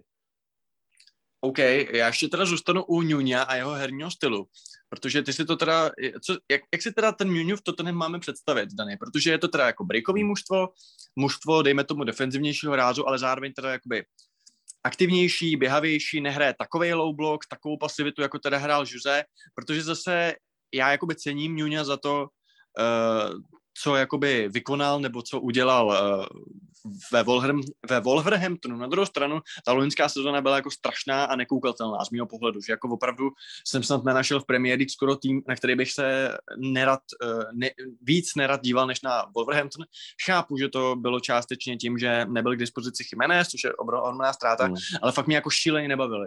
Tady samozřejmě uh, ve Spurs hraje jiný rozestavení, rozhodně se zatím na to jako dá líp dívat, má tam lepší hráče, Nicméně, eh, co vlastně, jakoby, co od toho dále jako čekat? Jako, myslíš si, že to bude teda, dejme tomu, bude se mu dařit prostě využívat jako Kane a Sona jako těch, ty útoční zbraně, rychlí hráče, eh, zároveň nebo může to být třeba, já se furt snažím najít ty rozdíly s tím Mourinhem, jo, taky si to může být třeba i tím skipem, že prostě najednou s tím Heibergem je to nějaký třeba dynamičtější, že tam jsou prostě trošku jiní hráči, není tam Sissoko, že jo, nebo případně Ndombele, ten hrál často jakoby nad nima.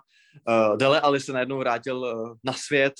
Uh, zkus ještě trošku povyprávět, jakoby, co vlastně co to je jakoby za tým, jako měl by si neutrální fanda zapnout Tottenham podle tebe, protože u Mourinho minimálně v té druhé půlce sezóny to tak nebylo. Uh, když, se, když se bavíme o, o Nuňově Tottenhamu, tak uh, myslím si, že to důležitý, co, co je potřeba zmínit, je, že Nuno má plán, uh, který jsme u Mourinha často neviděli. Nuno má plán, jak chce s tím týmem hrát aktivně. Uh, bavíme se o tom, že uh, Tottenham se staví do 4-3-3, s kterýma v defenzivě hraje ve středním bloku. Zároveň má ale to hřiště relativně natažený. Uh, je, to, je to střední blok, ale je to střední blok, ve kterým ty přední tři hráči jsou pořád nahoře a jsou aktivní, nepadají k záložníkům.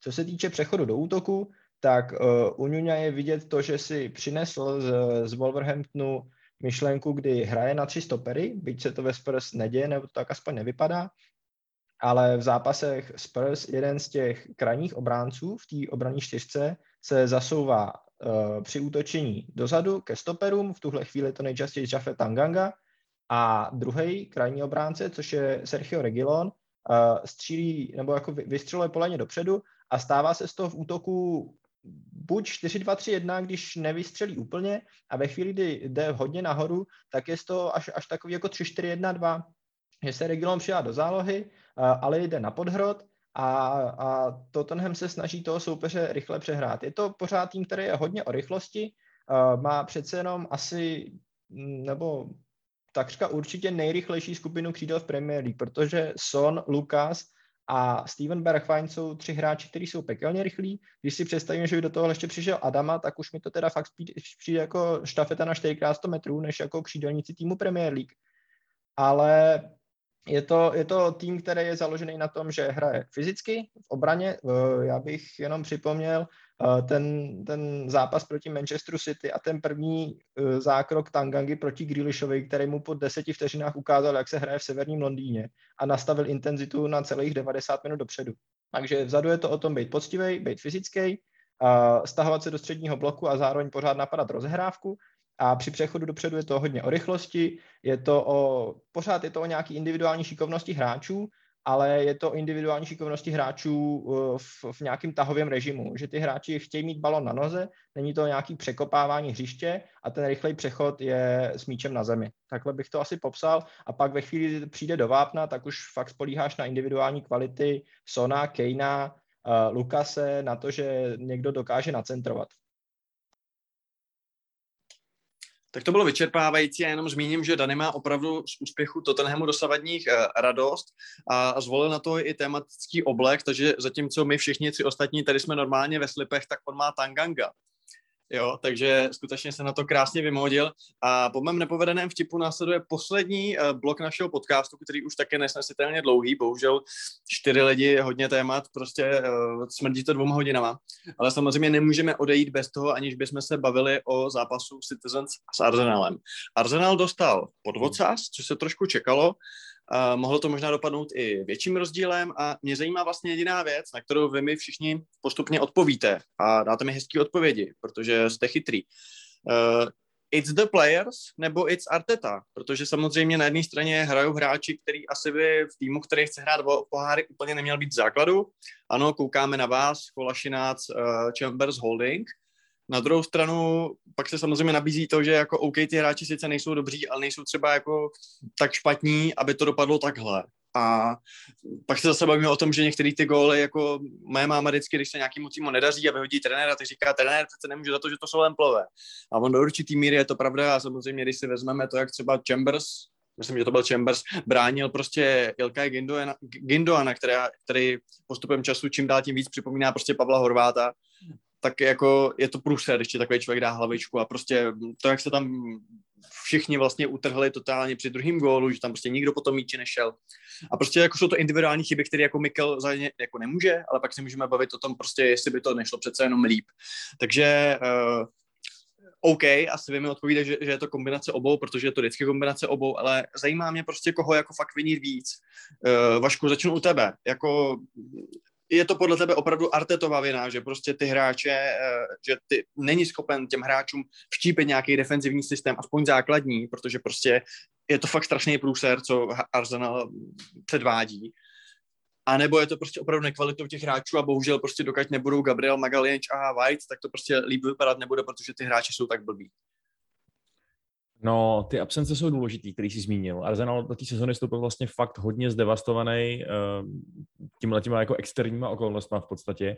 A je to hrozně vidět i na tom, z čeho se my teď snažíme vyvozovat závěry, že jo. Prostě jako zápas přesně, ve kterém máš stoperskou trojici Kolašinač, Holding, Chambers, ve kterém ti hraje prostě na pravém beku Cedric, o kterém eh, všichni tak nějak tuší, že to asi není úplně Artetova preferovaná první volba, eh, ve který ještě navíc samozřejmě, což už je jakoby chyba toho uh, jakoby na hřišti a ne dostupnosti uh, lepších, uh, lepších hráčů, ale že si Šaka nechá vyloučit po naprosto prostě dementním zákroku, jako nesmyslným, který si profesionál nesmí v moderní A tak byla, byla dovolit. přísná ta redka, byla přísná.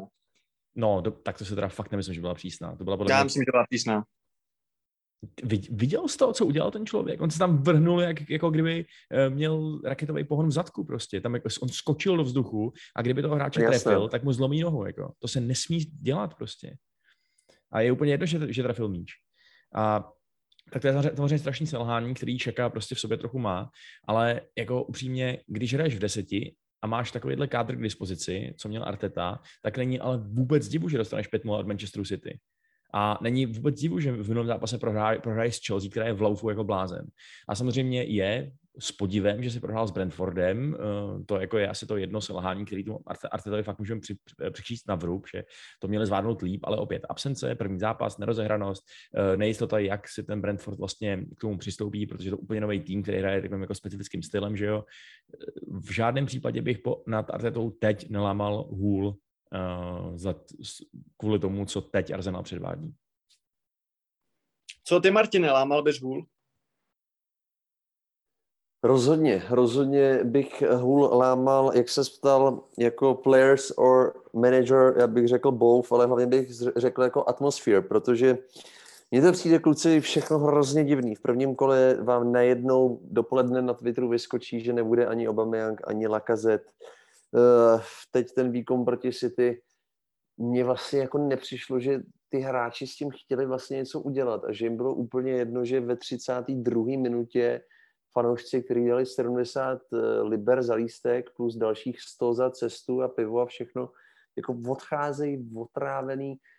Eh, mě tohle vlastně jako štve úplně na tom nejvíc a přijde mi to hrozně zvláštní, protože jako když se dívám na ten tým, já si myslím, že Arsenal bude rád letos, a to říkám úplně upřímně, ne s nějakou jako kritikou nebo, nebo s nějakou jako averzí vůči tomu týmu, kterou mimochodem v sobě jako trošku mám, ale myslím si, že ten tým fakt bude rád, když skončí do desátého místa, protože ten kádr má Premier League na to, aby skončil tak akorát do desátého místa. Já si fakt nemyslím, že tam jsou hráči, kteří by měli hrát o top 4 a měli by hlavně začít eh, opravdu odzadu.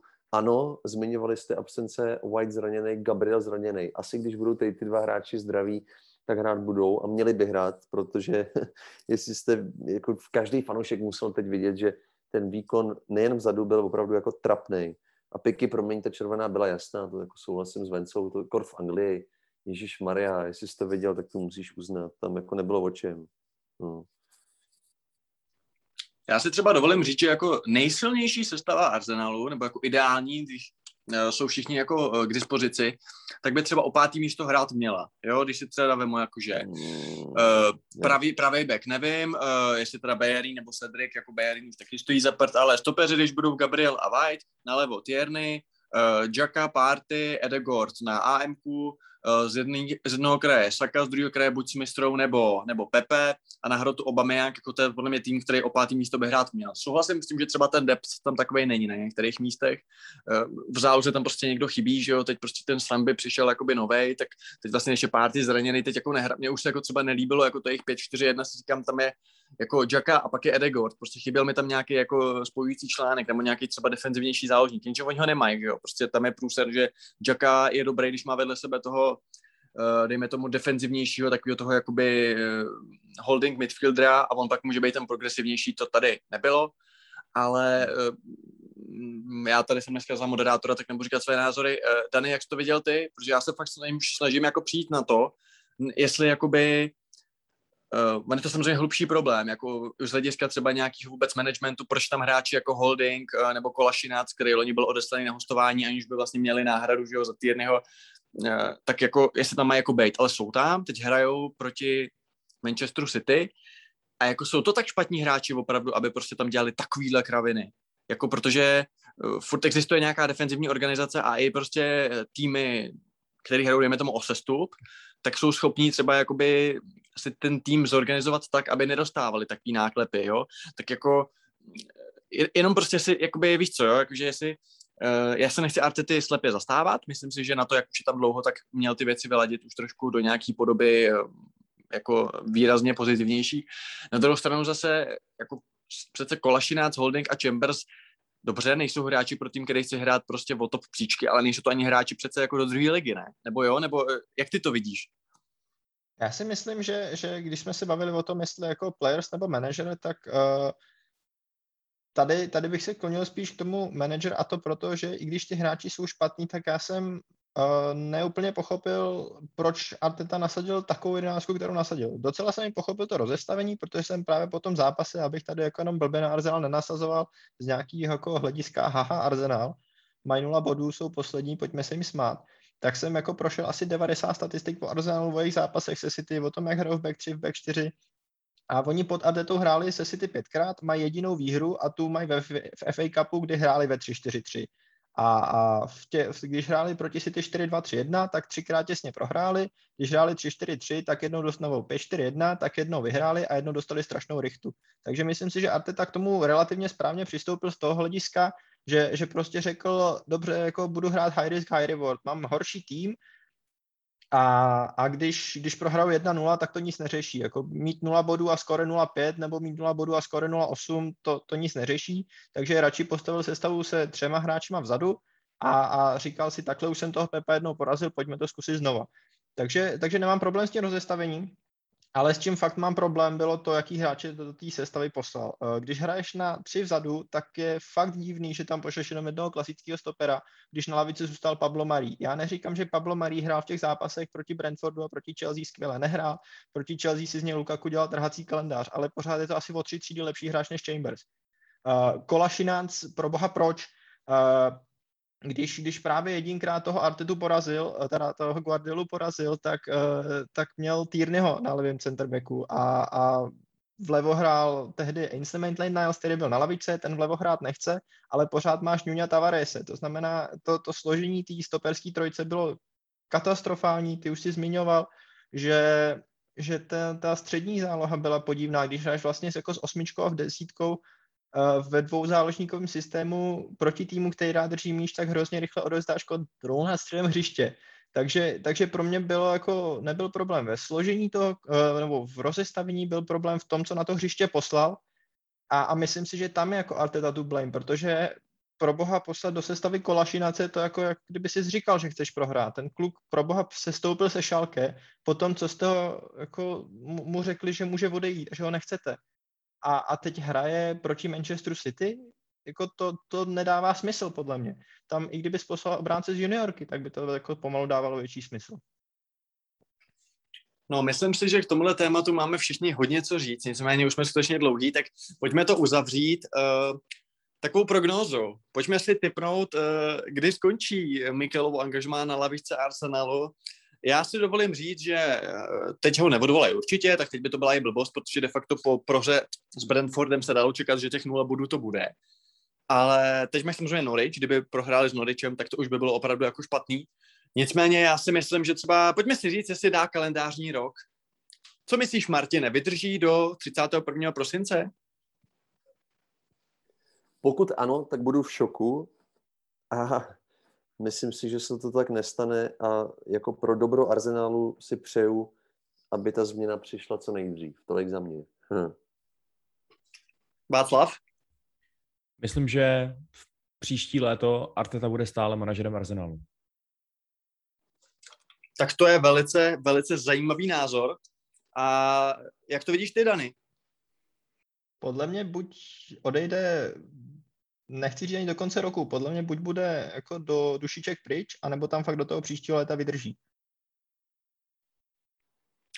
OK, já si typnu, že ho odvolaj, že ho odvolaj 3. ledna, po tom, co během takový tý zimní ty, já teď nevím, oni mají teď všichni nějaký ten, to, nějakou tu pauzu, tak doufám, že to zrovna nebude týden, kdy budou mít pauzu, ale prostě myslím si, že v období Vánoc prohraje čtyřikrát za sebou a pak ho odvolaj a do konce sezóny bude jako interim uh, Robert Pires, který se to vůbec nevím, jestli trénuje, ale rozhodl jsem se, že tenhle podcast zakončím něčím hodně velkolepým. Uh, já vám moc poděkuju za to, že jste tu byli. Bylo nás tu teda fakt jako hodně, takže to bylo takový, uh, hodně lidí chtělo něco říct a asi jsme neřekli všechny myšlenky, které máme v hlavách, ale nebojte se, určitě se uh, tu ještě objevíte, minimálně teda my s Vaškem se tu objevíme, když je to náš podcast, ale vy taky, nebojte se. Moc vám děkujeme, Martine, uh, i když jsi mě nastral včera, nebo ne ty, ale tvůj tým, že vám tak hnusně nadržovali a celkově prostě vám dávali, nám dávali, že vám ne, ne, prostě bylo to tendenční, bylo to prostě tendenční a prostě rozhodčí se nechal zlomit prostě silou Buranu prostě z Anfieldu, ale díky, že jsi tady byl, bylo to moc fajn. Piky, běž se vyspat, jo? Já děkuji. Vyspat je ta lepší varianta. Ano, proto jsem to řekl, takhle veřejnoprávní. Ano, je vidět, že jsi veřejnoprávní, že mluvíš slušně. Díky moc. Eh, díky i tobě, Dany, za obšírné analýzy eh, nejen Tottenham Hotspur, Jo, děkuju. A tenhle, tenhle přízvuk není potřeba používat, přece jsme v českém podcastu, takže když mluvíme s českým přízvukem, tak to podle mě vůbec nevadí. Nemusíme si tady hrát na jazykovou školu. Dobře, díky Dani, že jsi tady byl a děkuji Vaškovi za to, že je mi tak skvělým partiákem. Jo, taky děkuju. Uh, jo, jo. jo. Dani poděkoval za to, že je mi Vašek skvělým partiákem. Tak je vidět, že ta nálada je skutečně v táboře, to to nemu dobrá. Eh, jo, díky, díky pánové za podcast, díky našim posluchačům, že nás poslouchali a já se s vámi rozloučím jako vždycky poděkováním specificky našim patronům.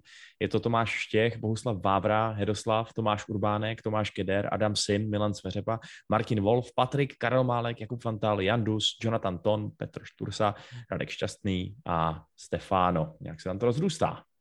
A pokud byste se chtěli přidat k našim patronům, tak samozřejmě máte možnost. Podívejte se na webovou stránku patron.com lomeno kontrapressing. Můžete si tam vybrat některý, myslím, že se tomu říká týry, český asi balíček. Uh, pokud byste chtěli nás podpořit, tak to určitě zvažte.